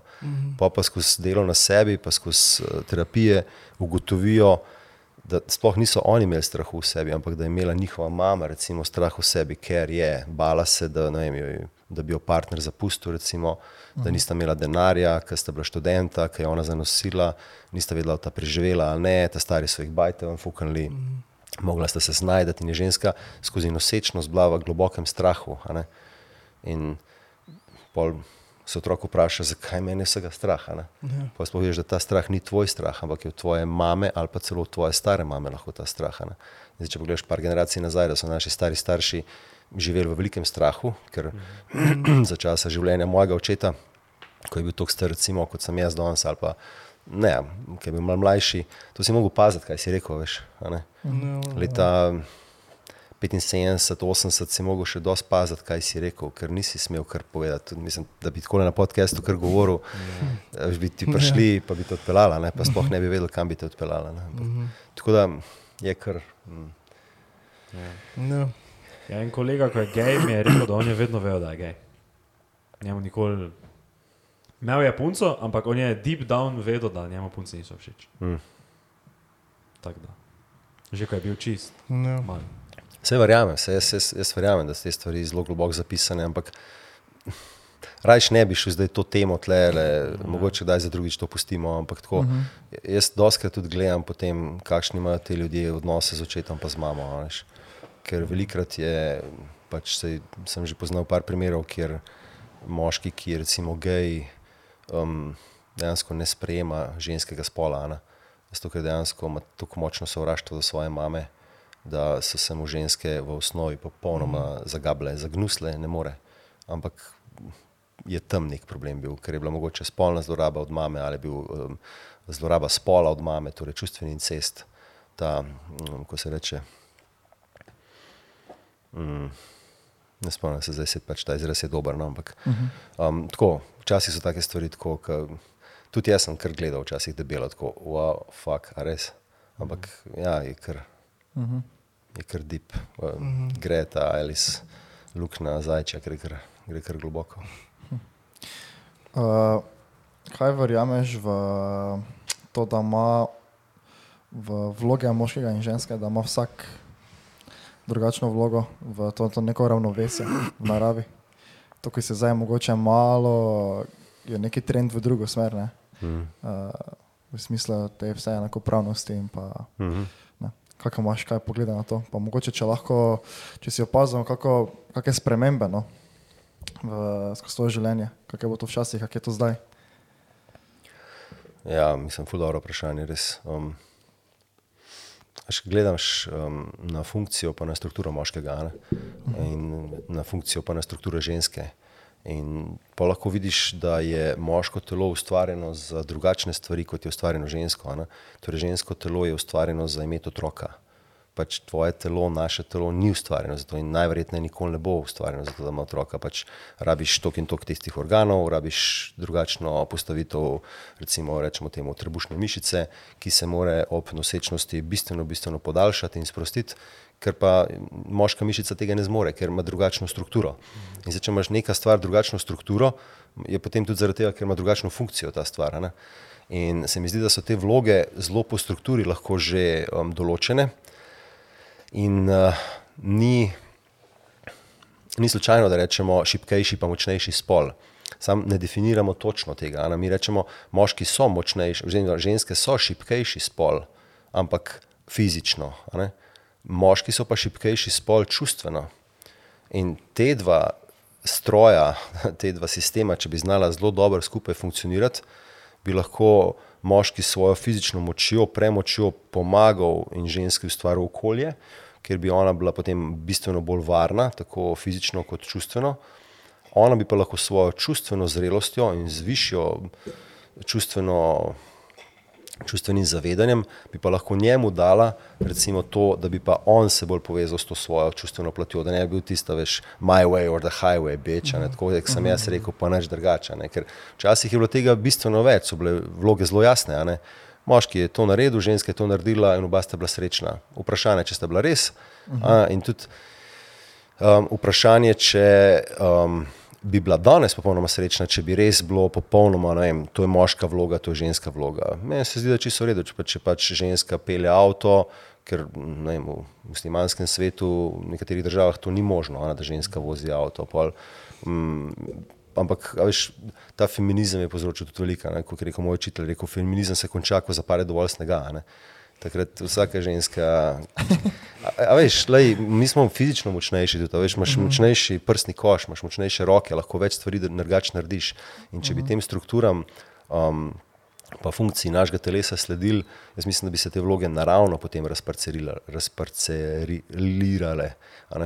Um, lahko pa se tudi zamenjamo, pa bomo videli, kako je. Bo ženska šla, recimo, včasih pač ni bilo tako, no, ženska po zim ni šla v hosto posekati drevesa, ga pustiti tam nekaj časa ležati, da se je sok potegnil v krošnjo, potem so prišli s konji, so to naložili, so potegnili do vasi, um, lupi, ljubje stran dal, dal na žago, ker to je bilo težko pravilo, to je bilo moško pravilo. Ne? Ženske pa doma druge stvari naredila in so bili fajn porazdeljene stvari. Se pravim, da je to zdaj vse res stereotipno, govorim zelo. Ne? Ampak imam občutek, da so se te vloge danes bistveno pomešale, predvsem zaradi te želje po emancipaciji, um, po enakosti, bom rekel rajša. Ker enaki pač nismo, že če pogledaš telo ženske, moškega, nismo enaki.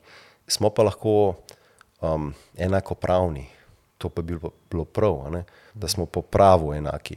Pa tudi enakovredni nikoli ne bomo, ker moja vrednost, ki jo jaz prenesem v razmerje, ni večja ali manjša, um, oziroma je lahko včasih večja ali manjša vrednost, ki jo ženska prenese v življenje, v moje razmerje. In včasih njena vrednost je večja, kot jo jaz prenesem v najno razmerje. a ne.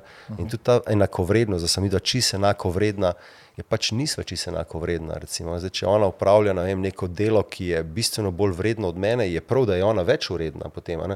In če jaz upravljam neko stvar, ki je bistveno več vredna, je prav, da sem tudi jaz potem več vreden od nje. ne. Ampak skompenzirati morata in ta ravnovesje potem na drugih področjih pripeljati zopet na neko, na neko, neko, na neko premico, na neko točko. Um, se mi pa zdi, da je pač ta zadeva preveč danes um, šla izvajati. No? Da je šla izvajati, da so ženske prevzemajo stvari, ki se jim, ki se jim ne pritičejo tako dobro. No? Um, so, pa ne pravim, da je to narobe, ampak to je njihova odločitev. Ampak meni osebno, da so ženske vodilne v podjetjih, da jih vidiš, ki vozijo avto non-stop, ko vidiš, da um, so v stresu, da vodijo sestanke, da imajo ne, strukturirane, disciplinirane urnike, da dvakrat, trikrat na teden trenirajo uh -huh. na hard, crossfit in tako naprej. Se vprašam, pa je res, koliko je v tem res ženskega delovanja, koliko je moškega delovanja in kaj to njim povzroča. in Danes vidite, lahko, če kaj gledate, kakšne imajo ženske težave v bistvu z z, zanositvijo, z eh, endometriozam, z težave z jajčniki, z um, nezmožnostjo imeti naravni porod, ker vsaka druga, mislim, da se zdaj že uh, gre rojevati s carskim rezom. Um, tako, dejansko ni več stika s telesom, zato ker ne upoštevajo svoje um, funkcije telesne in če ne upoštevajo svoje funkcije telesne, to vpliva potem tudi na tvojo strukturo telesa. Ti misliš, da, uh, sem že mislil, za mene, da bom padlo, da ženska telesa in ženska genetika ni nareta, recimo za taki stres. Definitivno ni. Ja. Ženska je narejena, za, da bolj prenese ta notranji stres, ki ga recimo rojstvo otroka sigurno povzroča. Ne? Ampak za ta zunanji stres pa ženska sigurno ni narejena, ker če gledaš zunanji stres, lahko gledaš kot pritisk. a Veš, a ne, in, um, če gledaš pritiske iz stališča fizike, recimo, um, je za večji pritisk, da ga zdržiš, potrebna večja sila nekega telesa. a Ne, recimo. Predstavljaj si samo tako, če vzamem vem, tebe in ti dam vem, na hrbet vem, tri, štiri žakle cementa, ajde, tri bojo že dosta verjetno, ne, tam 150 kg, rečemo, 100 kg. Zdaj so že 15. Ja, okay. kaj, boš, kaj boš naredil? Ja. Torej, na pet boš mogel trup, um, hrbet boš mogel ustati, bo mogel vzravnan ustati, trebuh steznik, trebušni bo moral ostati zelo napet, da se boš lažje uprl pritisku, ki te bo hotel zrušiti na tlane. In moško telo je dejansko zato narejeno, ker je njegova struktura telesa čisto drugačna. Ženska, če pa, in ker moraš ti notranji pritisk tako močen vzpostaviti, da kontriraš zunanjemu pritisku. In zdaj ta pritisk pa ni vedno samo v obliki vreč cementa, ampak je v obliki računov, pa eh, pritiskajo projekti na tebe, pa deadline imaš, pa šef, pa otroci neki hočejo, pa mož neki hoče, pa podražitve so, pa um, ne veš, bo korona anao, šlo lahko na morje anao, in tako naprej. In dejansko je ta pritisk dejansko vreča cementa, ki na te pritiska in če ženska hoče to zdržati, mora pa tudi ona notranji pritisk povečati. Če pa ona, ona mora pa ohranjati sproščenost notranjega dela telesa, če hoče čutiti otroka, če hoče čutiti svojega moškega, če hoče čutiti samo sebe. Ker je ona čustveno mnogo bolj dojemljiva za te stvari, oziroma naj bi bila kot pa moški.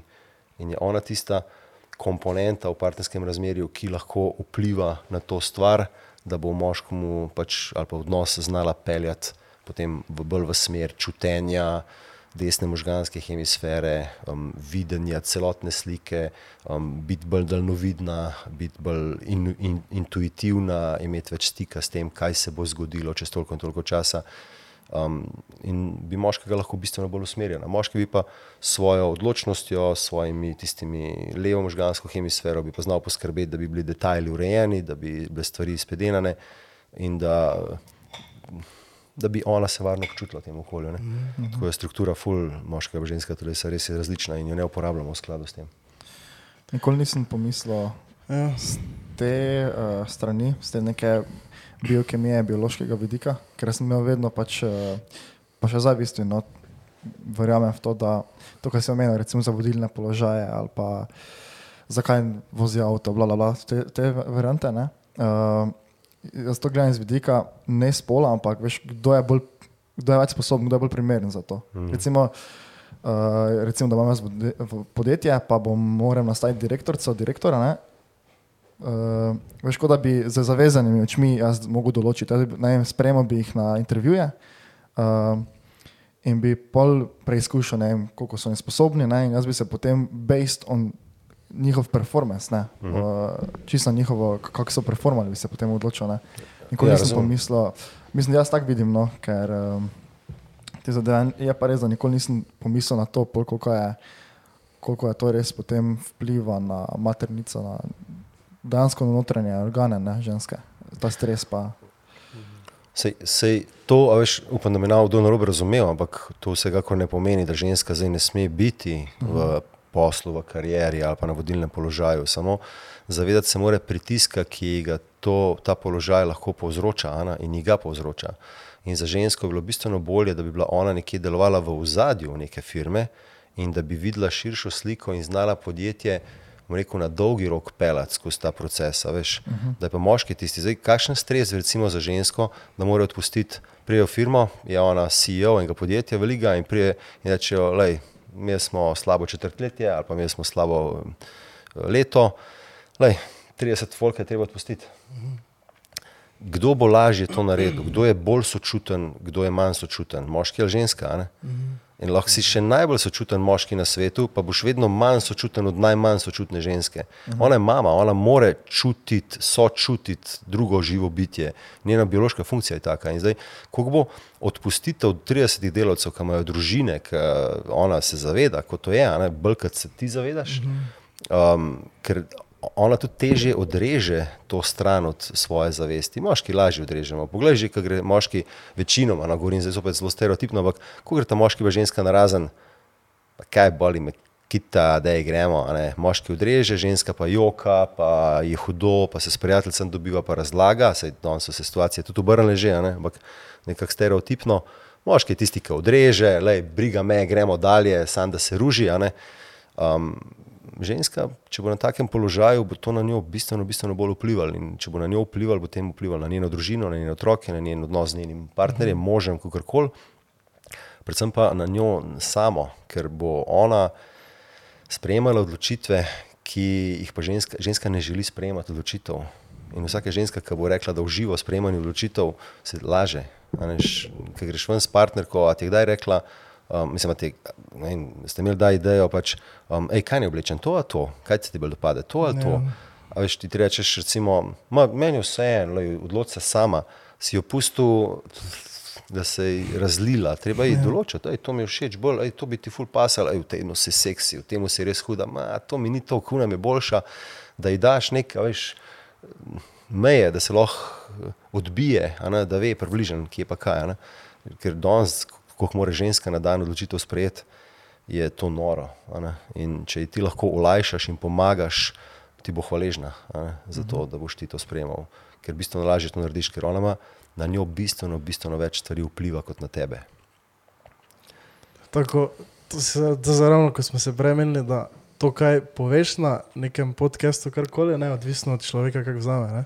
To, kar je zdaj prva stvar rekel, um, da ne vidiš žensk na takem položaju, isto kot tako dosti vozijo. Ne. Ful se mi zdi, da bi zelo dosti ljudi na robe to vzelo, ne. ampak zdaj, pa, ko si še argumentiral dodatno, pa ti lahko nekako pomaga s tem. Ne. Uh, ampak eno vprašanje še, preko si govoril za ženske, da so dosti več, no, ko si zdaj govoril, da se morajo dosti več odločati, ono tisto, drugo, četrto, ne?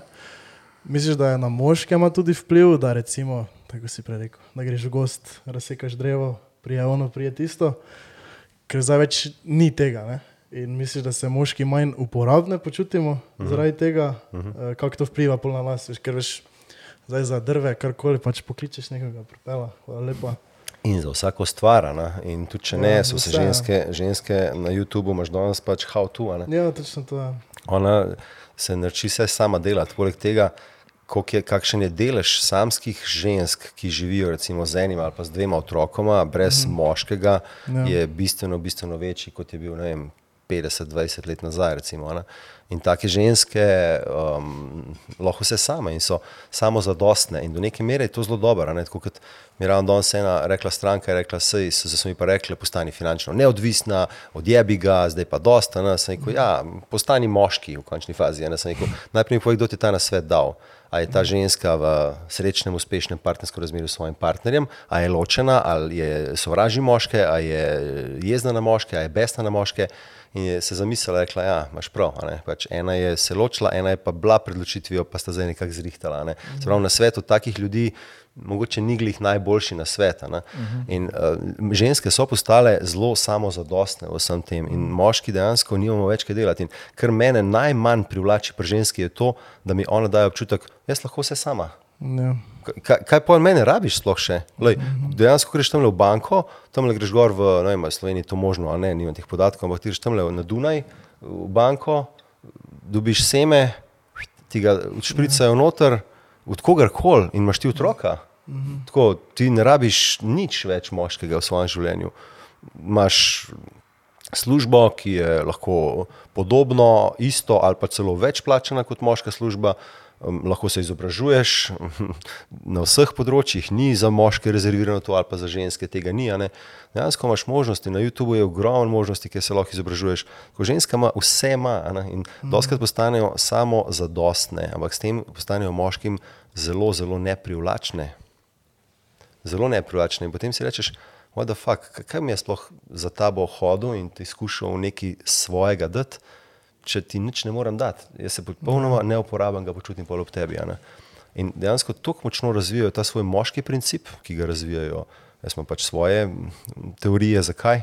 Ne, ponavadi zaradi ranjenega odnosa z svojim očetom, -hmm. potem ženska razvija tako močen svoj notranji moški princip. In tudi, če dobi moškega ob svoji strani, prvič kot prvič bo dobila moškega, ki je itak slabši kot je njen notranji moški. Če pa dobila slučajno moškega, ki je res zaupanja vreden in ki se lahko nam zanese in ki ni nesposoben, kot so bili vsi njeni moški v njenem življenju, bo pa zelo težko predala ta svoj moški del. Zato, ker če si navaden na enem način delovati toliko in toliko let, boš zdaj ti kar, a ok, grem pa jaz v svojo žensko, ker jo ne poznaš. A Ne, ti poznaš svojega moškega, on je ta, ta, ta, ta, ta, ta, ta. ženske pa. A, in zdaj, če ti, ti 20 let, 30 let v. Tu, tu, tu, tu, tu, tu, tu, ne greš pa ti kar, vsaka si pa želi to. a ne? Tako da. Upam, da ni preveč pesimistično tole, no, da no, so rešitve drugače tudi, a veš, tako da se lahko zdaj še rešitev dotaknemo. Ja. Kakšne so rešitve? Ker vem, da kar malo skupaj lezete. Ne, Vsi si kar na bed nas je vrglo. Ja. Jaz ne, ja, tako malo o tem razmišljam, v bistvu, tako da mi je zelo zanimivo, no, kak, kak je tvoj pogled. Uh, ker je. Torej, dosti o tem razmišljaš. Kako se Uh, da to ja.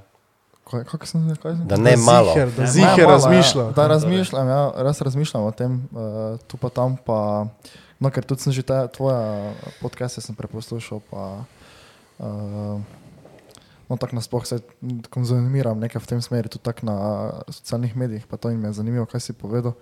Uh, se ne strinjam sicer za čisto vsem, ampak Se prav. Cool. kul. Uh, Ja, ja, zanimivo je, kako so se res v naši družbi zdaj tako, ne vem, odra, od, odraz čega točno je to, ne? ampak veš, sta se izoblikovala dva taka pola, ki sta res na nasprotnih straneh. Ne? Veš, je bil tisti oni hardcore feminizem, ne? Mm. zdaj pa kako leto ali pa dve nazaj pa se je pojavilo to, veš, ono.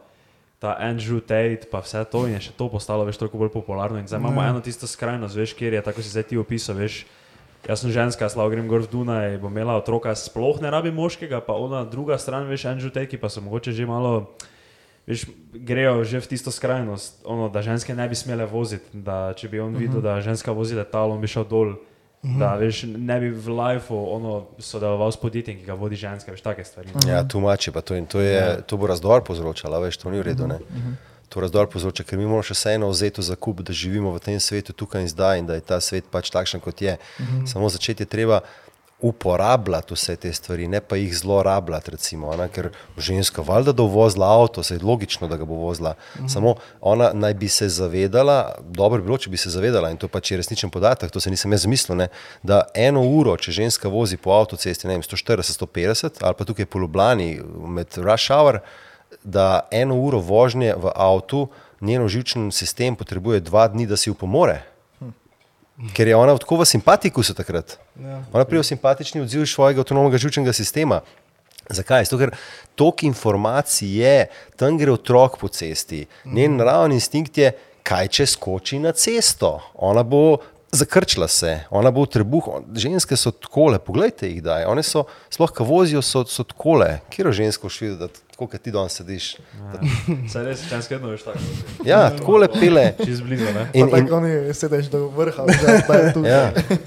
Napeta je noter, veš. ali pa divja, recimo. Ne, jaz danes sem se pelal, ne vem, za mano čiživčna ena, veš, tam na avtocesti me prehti, pa avti pred nami, ja, veš, tako da kam ne sedim, prav se ti se umaknem, vozim, ne vem, na tempomat 135, 140, kot se mi da. Vsa živčna mem. Taka ženska, vprašaj se, kako deluje na svoje otroke, kako deluje na svojega partnerja. Pride ona domov, a bo partnerja pomirila, a ga bo vznemirila. ne. Kdo bo njo pol pomirjal? a ne? Če pa moški žensko pomirja, bo pa zgor, ukmala. Tle so stvari, ker ful nočem zdaj, meni, meni je všeč, da se ne strinjate, ali pa všeč mi je, da vržem kakšno stvar, da ljudje poje razmišljajo. Sam, kot sem rekel, ničesar ne rečem samo zato, veš, imam vedno od zadaj neke argumente, ki jih znam podkrepiti z nekimi dejstvi in lahko za njimi stojim in so preverljivi. Je pa tako, kot vsaka stvar, mi zdaj se lahko tle kregamo, voda je dobra, če jo rekel piješ. Ne, ne, ne, voda ni dobra, ne smeš jo preveč popiti. Uh -huh. In greš na Google in iščeš, why water is not good, ali pa why drinking water is good, pa boš našel oba tabora. Ja. Ja, ja, ja. In za meso, in za korono je bilo to, in za maske je bilo to, in za vse, vse najdeš dva tabora. Pa, pa kot si rekel, prej dober, ti imaš toliko materijala, da moš pa pametno se odločiti. Na podlagi česa se boš pa odločil, kaj je zate prav in kaj zate ni prav. tle hočem samo malo navršiti ljudem, da, ker v končni fazi se gre, da, da jim da zamisliti to. a ne. Se lahko me preklinjajo, lahko mi rečejo, fakt, urbanc nima pojma, to govori. Ni problema, sam razmišljaj o tem, kar sem ti rekel. In, uh -huh. Mogoče pa jaz motim, mogoče pa tudi bom čez dve leti rekel, se upravičujem, zmotil sem se. Da ste pa tudi takih, ko se samo en tabor zbere, Ja. drugega pa sploh ne pogleda, ali pa sploh, da se ne bi, da ne ima nekega pogovora, karkoli. Noče jemati drugih idej. Veš kaj, treba imeti, treba imeti um, jajca Ja. in treba imeti dosti visoko čustveno zrelost, da ti še vseeno znaš tudi stvari, s katerimi se ne strinjaš, da jih znaš racionalno, učinkovito, zrelo mm. zavestno povedati, brez da boš dopustil, da um, tvoj čustven naboj ali pa čustven naboj nekoga drugega na te tako vpliva, da te bo fukalo ven z ravnotežja, da boš postal žaljiv, um, um, nasilen, mogoče celo ne, ali pa kritičen do nekoga drugega. veš. Če se mi dva ne strinjava, ni problema, verjetno se mi ne strinjamo glede marsičesa, ampak to ne pomeni, da smo zdaj sovražniki zaradi tega. a ne. Ja, ja. In se lahko strinjamo, da se ne strinjamo vsem. Uh -huh. Pa še vsem gremo na pirloh, pa, ali veš, ali pa na kavo. Pač, ne, da se ne strinjamo, jaz imam tak mnenje, ti imaš tak, jaz ti povem zakaj, ti meni poveš, ok, razumem, mogoče sem jaz kaj novega naučil, mogoče se boš ti kaj novega naučil, mogoče se bo oba kaj novega naučila. Uh -huh. Torej, nama bo obema ekspendala, ne? da pa jaz zaprem a priori, zaradi tega, ker se jaz s tabo ne strinjam, ker imam jaz prav, pa pokaže na moja čustvena zrelost, veš, ki jo dejansko ni, ne tlepol. Ampak kako bi pa nekdo lahko kaj naredil proti tem pri sebi, da se ne bi zdaj samo oziral na eno stvar, ampak bi tudi. Mislim? Ja, mislim. Zdaj, Če je sploh kaj za nared. seveda je, mislim, pejtu sveta, ne malo. Ja, Pejtu svet, spoznaj različne kulture, spoznaj različne ljudi. Vem, že, že v Evropi lahko tega veliko najdeš. Um, sicer jaz ne maram tja gor hoditi bolj proti severu, imam raje te, bom rekel, zdaj južne države, ampak tako recimo, ko greš po svetu, ki ti vidiš, kakšen folk je, ne, od totalno prizadetih do, do najhujših ljudi na svetu, do naj, najbolj ne vem, takih duš, ki jih srečaš, ki rečeš, pizda, kakšen človek je pa to. Aj. To pa človek z veliko začetnico, res. Ki je tako preprost, ki je tako skromen, ki je tako ljubeč, ki je iskreno tako ljubeč, ali pa en, ki je lahko taka baraba, razumeš? a ne. Vse srečaš in ti to ti ekspanda, a veš, a ne, ber knjige, poslušaj podcaste, probe potovati, sploh vi ste v teh letih zdaj mladi. Meni je edina stvar, ki mi je žal, pa pač dobro, se nisem imel to keša takrat, ampak potovanja. Potovanja, če imaš možnost z ne vem, študentskega dela, karkoli, da zbereš tistih, ne vem, tistega Jurija, Jurija pa pol max, pa greš na en za štiri tedne, Laos, Kambodža, Vietnam, kaj takega. To, da to vidiš, da vidiš tisti folk, kako tam živi, da ješ na ulici tisto njihovo hrano, da se usedeš na pločnik, ješ un sticky lice. Pa zraven dva feferona, nujno, ker ne veš, s čim se že strupil, meso, ker ne veš, kakšen je. To je experience, mm -hmm. veš, in tle, tle dobiš ne, um, Ja, to ja. širino. Ja. To, ko si rekel, da kako preobrn taki folk. Ne? Ja. Ja. Jaz tako imam z takimi, bi rekel, ekstremisti, na hvala Bogu, uh, stika samo na Facebooku. Ne? To, to je moj taki prikrit hobi, ki ga včasih naredim in grem gledat za nalaš, kakšne take skupine, pa komentarje berem, pa to ne. Je fuz zanimivo, tako prav zabavno mi je včasih. Um, in tako sem, dobro, ne bi rekel prepričan, ne? ampak taki folk pa bi bilo zelo težko spreobrniti. ja. Ezim, neki flat earth. Ja, ali to pa, ali pa, ali pa še tisti, ko so, bili, ko so imeli vse zapovedati v času korone. ali Pa, ja, to ti ne. na Facebooku Ja. 24 ur post, pa Ja, komentarji ja, dol. To ti je. Če si to šel, brat, kaj si ti? Ti si Ful je. eh, Flat Earth skupini? Uh, ne, to ne. Ne, nekdo, ker mi je zdaj nekdo rekel, ne, da mama mi je rekla, da ena, njena dva kolega ne, Uh -huh. Sta v, uh, oba dva noter v skupini, ki je kao skupina namenjena debati Flat Earth proti Round Ja. ja. Earth.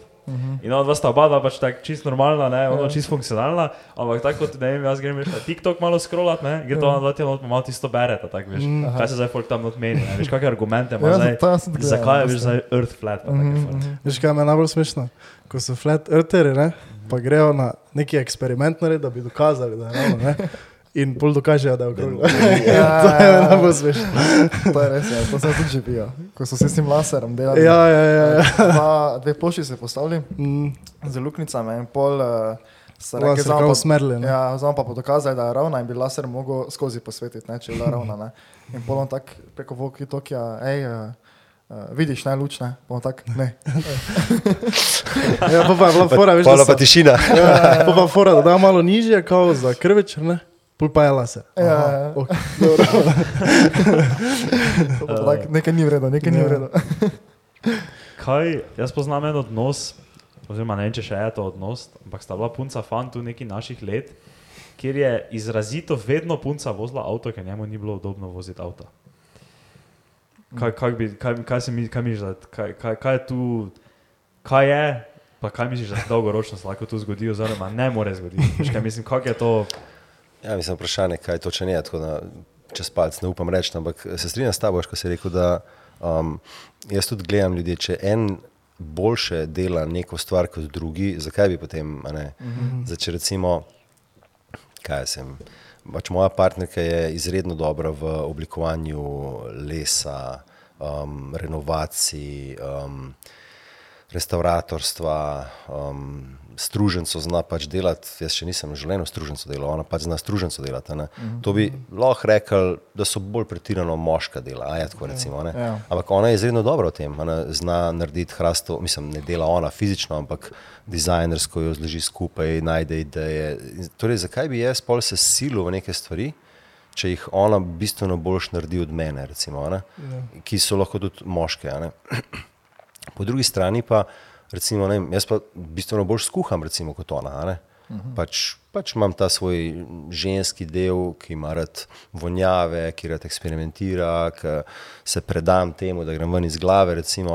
Zakaj bi torej jaz potem skušala mi dva na silo vloge zamenjati in bi jaz se silil v nečem, kar mi niti ni, pa nisem dober, pa njej ni tisto, kar jaz delam, pa ni tudi dobro v tem. Tako da rajš potem oba dva probava v svojih teh mm, ekspertizah, če lahko temu tako rečem, ponuditi drug drugemu tisto, kar najboljše znava. a ne. In zdaj so to lahko, bom rekel, stvari, ki so od vem, kuhanja pa do, vem, kaj sem, delo doma, kakšne stvari, recimo, ali pa od vožnje avtomobila in do, bom rekel, hujših stvari, ne, do vožnje avtobusa, bagarja.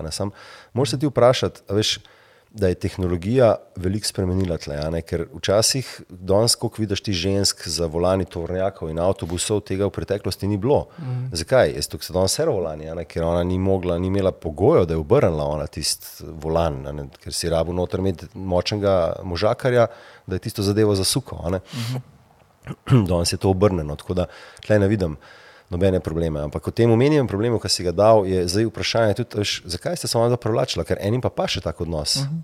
Enim pa ustreza. Ženska bolj deluje po moškem principu, moški deluje bolj po ženskem principu, pa imaš zopet privlačnost. ne. In zdaj, če obema to ustreza, who cares? A Ne, ne uživata, a veš. Vprašanje je samo, recimo, če vem, moški hoče pa delovati na moški način, pa je preveč v ženskem, pa ženska hoče delovati na ženski način, pa je preveč v moškem, pa ne veste, kaj narediti in se zaradi tega potem vse čas krešajo neka mnenja, pa to uh -huh. pa lahko pride do nekega konflikta. Ali pa da je vem, prebral knjigo od Davida Dejda in reče, aha, man polarity, masculine, feminine, ti nisi feminin, ti boš mogla to delati, da bom jaz maskulin postal. Uh -huh. In pa se to samo na površini dogaja, noter sta pa oba dva še, ne vem, on ranjen po mami, ona ranjena po očetu in imaš uh -huh. vzrok, recimo, zakaj tako deluje ta. Ne? Tako da je pa treba se zavedati posledic, ki jih na dolgi rok to prenese. ne, tudi. Če bo ženska predolg časa in premočno živela v moškem principu, ki se spet nanaša na to strukturo njenega telesa in pa funkcijo, ki jo pač ta struktura podpira, bo to povzročilo na dolgi rok verjetno kronične stanja, kronične bolezni, ker ne, če ne deluješ v svo, skladu s svojo funkcijo, se spremeni tvoja struktura telesa. To je, to je dejstvo, ali pa obra- obratno, če se struktura spremeni. Se pravi, če se struktura moje noge zdaj spremeni, da se zlomi moja noga, potem moja noga ne bo več mogla te funkcije upravljati, ki jo noga upravlja. Razumeš? Ja. Če bom pa jaz recimo zdaj svojo nogo, vem, zaradi tega, ker sem jo zlomljeno, začel uporabljati desno nogo več, ne, ker se bom na levo težko zanesel, ker bom še šepal in potem bom dejansko tri mesece bolj na desno dajal težo, bom pa zaradi tega, ker sem strukturo svoje desne noge preveč obremenil in leve mnač, premalo se bo pa tudi funkcija potem desne noge moja spremenila. Tako da tle imaš vedno med seboj vpliv. a ne. Upam, da je bilo dosti razumljivo. Ja. Zdaj razmišljam, kako bi to vprašal. Tako si zdaj rekel za nogo, naprimer, ne? Zdaj za prihodnost družbe. Ne? Če se recimo struktura partnerstva spremeni, koliko ima to vpliva recimo, na družbo? Zdaj recimo, da bi res ženske, dosti bolj moške delale, moški ženske, kako se bi to spremenilo vse skupaj? E, glede- bi znal predstavljati. Ja, si predstavljam, zato ker si želim, da se to zgodi. Ker si želim, da bi se ženski vpliv na svet, pa na moškega, bistveno bolj povečal. Pa ne v smislu tega, da one prevzemajo moške vloge, ker mi danes živimo v tem hipermaskuliranem svetu, kjer ženske želijo biti enake moškim in nič narobe s tem, če jim je to trga, ne, pa če jim je to kul, cool, ni to v skladu s tem. Pa, ne, da to govorim za jaz na pamet, pa iz teorije, pa če si govorim iz izkušenj. Jaz vidim ženske, ki sedijo pri meni, tako na posvetih, ona noče biti taka, ona hoče imeti družino, ona hoče vem, čutiti, ona hoče plesati, ona hoče vem, eh, se pogovarjati s prijateljicami, ona hoče, redko katera ženska je una, ki je strogo korporativna in hoče samo. Ne, Let's do the killing, veš, na borzi. Ne, veš, to, to ni taka domena. Tako da jaz si želim tega vedno več in mislim, da če bi se spremenila um, ta, um, če bi se spremenil ta zavedanje, da se ženska začne bolj povezovati z svojim telesom, da išče stik v sebi in se povezuje z desno možgansko hemisfero, bi tudi svet lahko začela, oziroma moški bi začela lahko peljati na drugačen način in bi se stvari v svetu lahko mogoče celo začele drugače odvijati. -huh. V smislu, ker, poglej, zakaj so nastale vse vojne? So, mislim, so ženske to zakuhale. Veš, kdo, kjeri, čigavi egi se tukaj krešejo, kdo so tisti, ki ne, ne, mene pa nauš. Uh -huh. Jaz imam večjega kot ti. Uh -huh. Zelo ena dobra, en dober sketch je bil od uh, George Carlin. Carlin. To, znam, to je star komik, ameriški, uh -huh. eden najboljših, mislim, da je George Carlin. To si pogledajte, kdaj je njegove stand-upe, se je že umrl, ampak on je pa. On je pokazal, kako v bistvu ta vojska, ki jo Amerika ne, z njo paradira po svetu, da je v bistvu to vse povezano s seksipilno, da hoče pokazati, da v bistvu kdo ima večjega kurca. Uh -huh. veš, in da se v bistvu se res samo kaže, kdo ima večji ego, kdo ima večjega kurca, ko je jači. In se veš, kako je, kam gre pa svet danes zaradi tega. Ne? Tam se žgejo, tam se žgejo, tam se žgejo, v bistvu dokazujejo si, najebejo pa pač običajni ljudje. Mm. Tako da jaz mislim, da bi vpliv ženske na svet lahko bistveno spremenil um, smer, v katero bi svet šel. Bolj nežno bi lahko, bolj mehko, pa bolj, um, bolj na dolgi rok učinkovito. Mm. Ker če bomo na ta način nadaljevali, tako da bomo tako zastrupljali zemljo, ki jo zastrupljamo, da bomo tako zastrupljali zrače, ki ga zastrupljamo, da bomo tako um, ljudi vem, spravljali vsak let po teh cestah do morja in kva z morjem delamo, recimo na Jadranu, pač, ki ga vsi verjetno najbolj poznate. Mislim, to je kaj je bilo to 30 let nazaj, ali pa kaj zdaj, mm. ni primerjave več, to je, to je grozen, ker ti zdaj tam vidiš v bistvu te horde, ki dol delajo in to pusti, pusti posledice. Mm. Se pravi, folk ne zna več predvideti dolgoročno, kaj bojo ta dejanja povzročila vem, pe, čez 50 let, recimo naprej. Mm -hmm. Se mi zdi, da je pač, to je moje mnenje, no, le, nimam pa toliko znanja o tem, da bi -hmm. bil res prav mm -hmm. strokovnjak na tem področju. Mm -hmm. Zanimivo. Zdaj še ti povej, kaj ti, kaj ti misliš o tem? Včasih tako te slišim uh, zanimivo. Ne, ne, ne, ne, že prej si rekel, nek se ne strinjam, izraz, povej res. Uh, to, kar si zdaj rekel za uh, ti ženski pristop, kako bi to vplivalo, uh, da bi bilo mogoče vse skupaj bolj tak, kot si rekel, nekako si se izrazil, ne si rekel mehko ali uh, zlito. Ja, to se jaz ful strinjam, ker jaz imam dve sestre. Ne? Uh, mislim, da no, imam še vedno. in sem rastel z dvema sestrama gor in uh, sem full opazil, uh, kakšen vpliv je to imelo na mene. Mi, jaz smo dve, jaz smo ulica, smo, ne, na, na vasi, kjer živim, smo ulica, dve sestri, dve sestrični. Ful sem imel dejansko malo stika z moškimi, uh, ko sem odraščal. Do osnovne šole praktično skoraj da nič. Uh, in se lahko nekako povežem s tem, kaj si ti rekel, ne, da ti, kaj, kaj lahko ženske doprinesejo.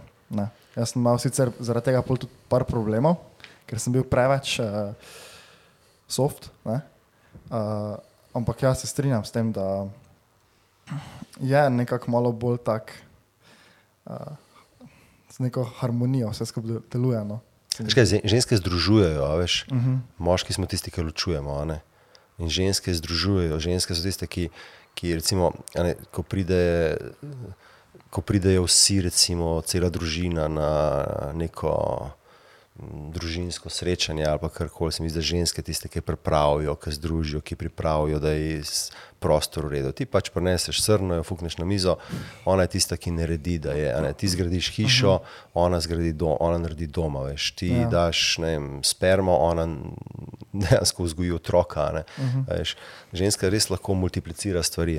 In če ti poskrbiš za njo dobro, bo ona to multiplikacijo tega naredila bistveno, bistveno boljše, ker naj bi imela, pa danes žal je tega bistveno manj, ampak ona je res bolj povezana s tem, ker ona mora biti povezana s tem, kaj bo čez toliko in toliko let.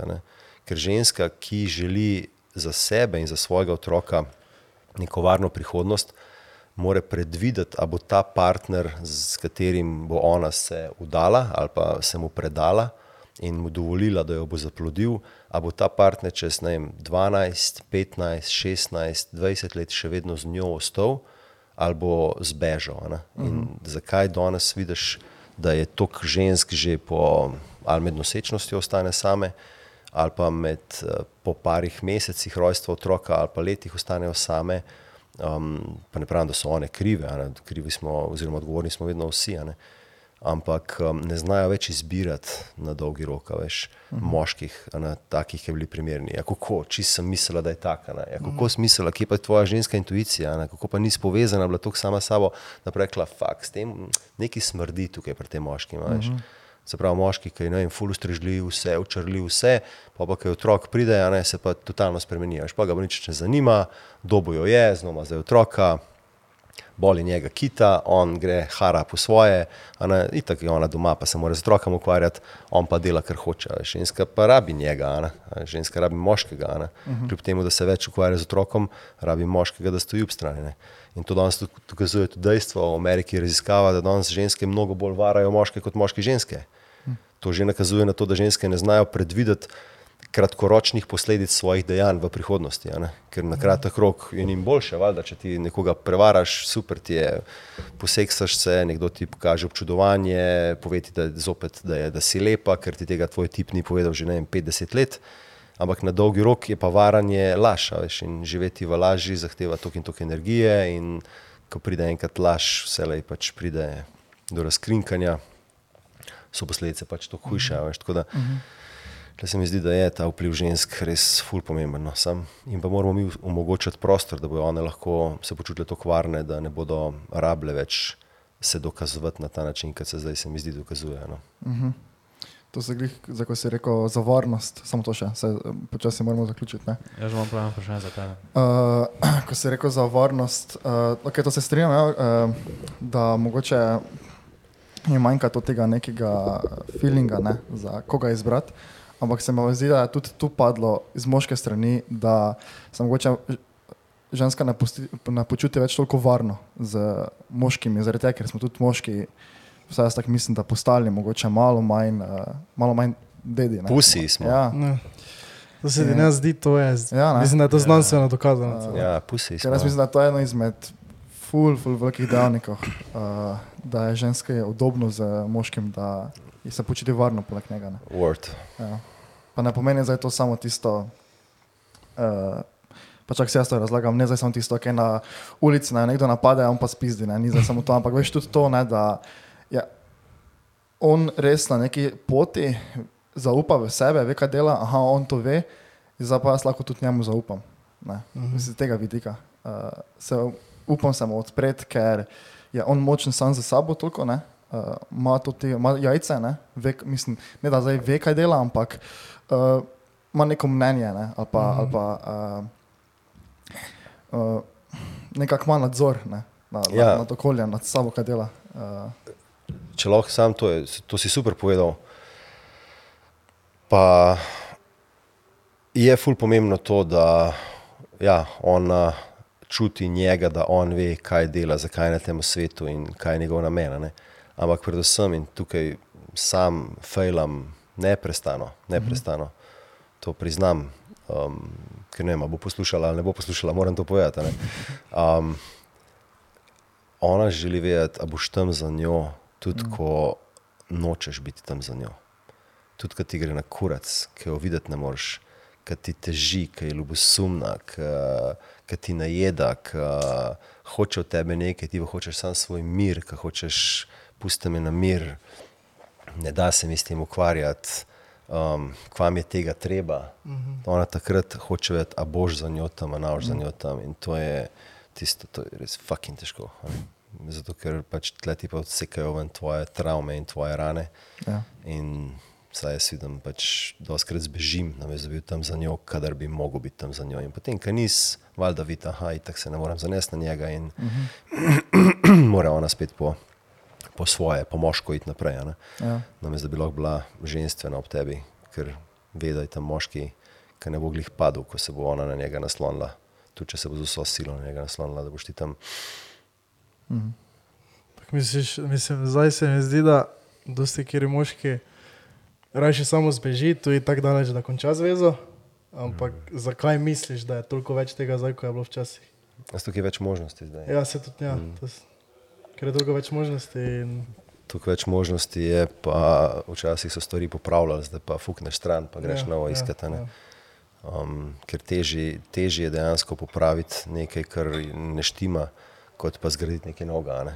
Veš, tudi, če se boš daj lotil rekonstrukcije hiše, stare ali pa gradnje nove hiše, boš videl, da je časovno in pa finančno bolj potratno rekonstrukcija nekega starega objekta, kot pa vsak gradbinec ti bo rekel, "Ma da izruši to, pa postavi nekaj novega. Ne. Uh -huh. Da samo zdaj s tem ujebal, pa del izkope, pa hidroizolacijo, pa vrtal noter, pa stene so take, pa treba se flikati. Pa... Tako da Jaz mislim, da je zaradi tega. No, pač. Gremo, fukneš stran, potrošništvo. Tudi v partnerstvu. Uh, kaj sem že jaz to, moje poslednjo vprašanje? Um, to sem za tebe mislil prvo vprašati. Kako bi ti, kako bi se ti opisal, kaj je, kaj je ljubezen? Zdaj za konec, saj mogo. Ja, to je, Zdaj že to je uvod no. za nov podcast. Veš. Uh, uh, ljubezen.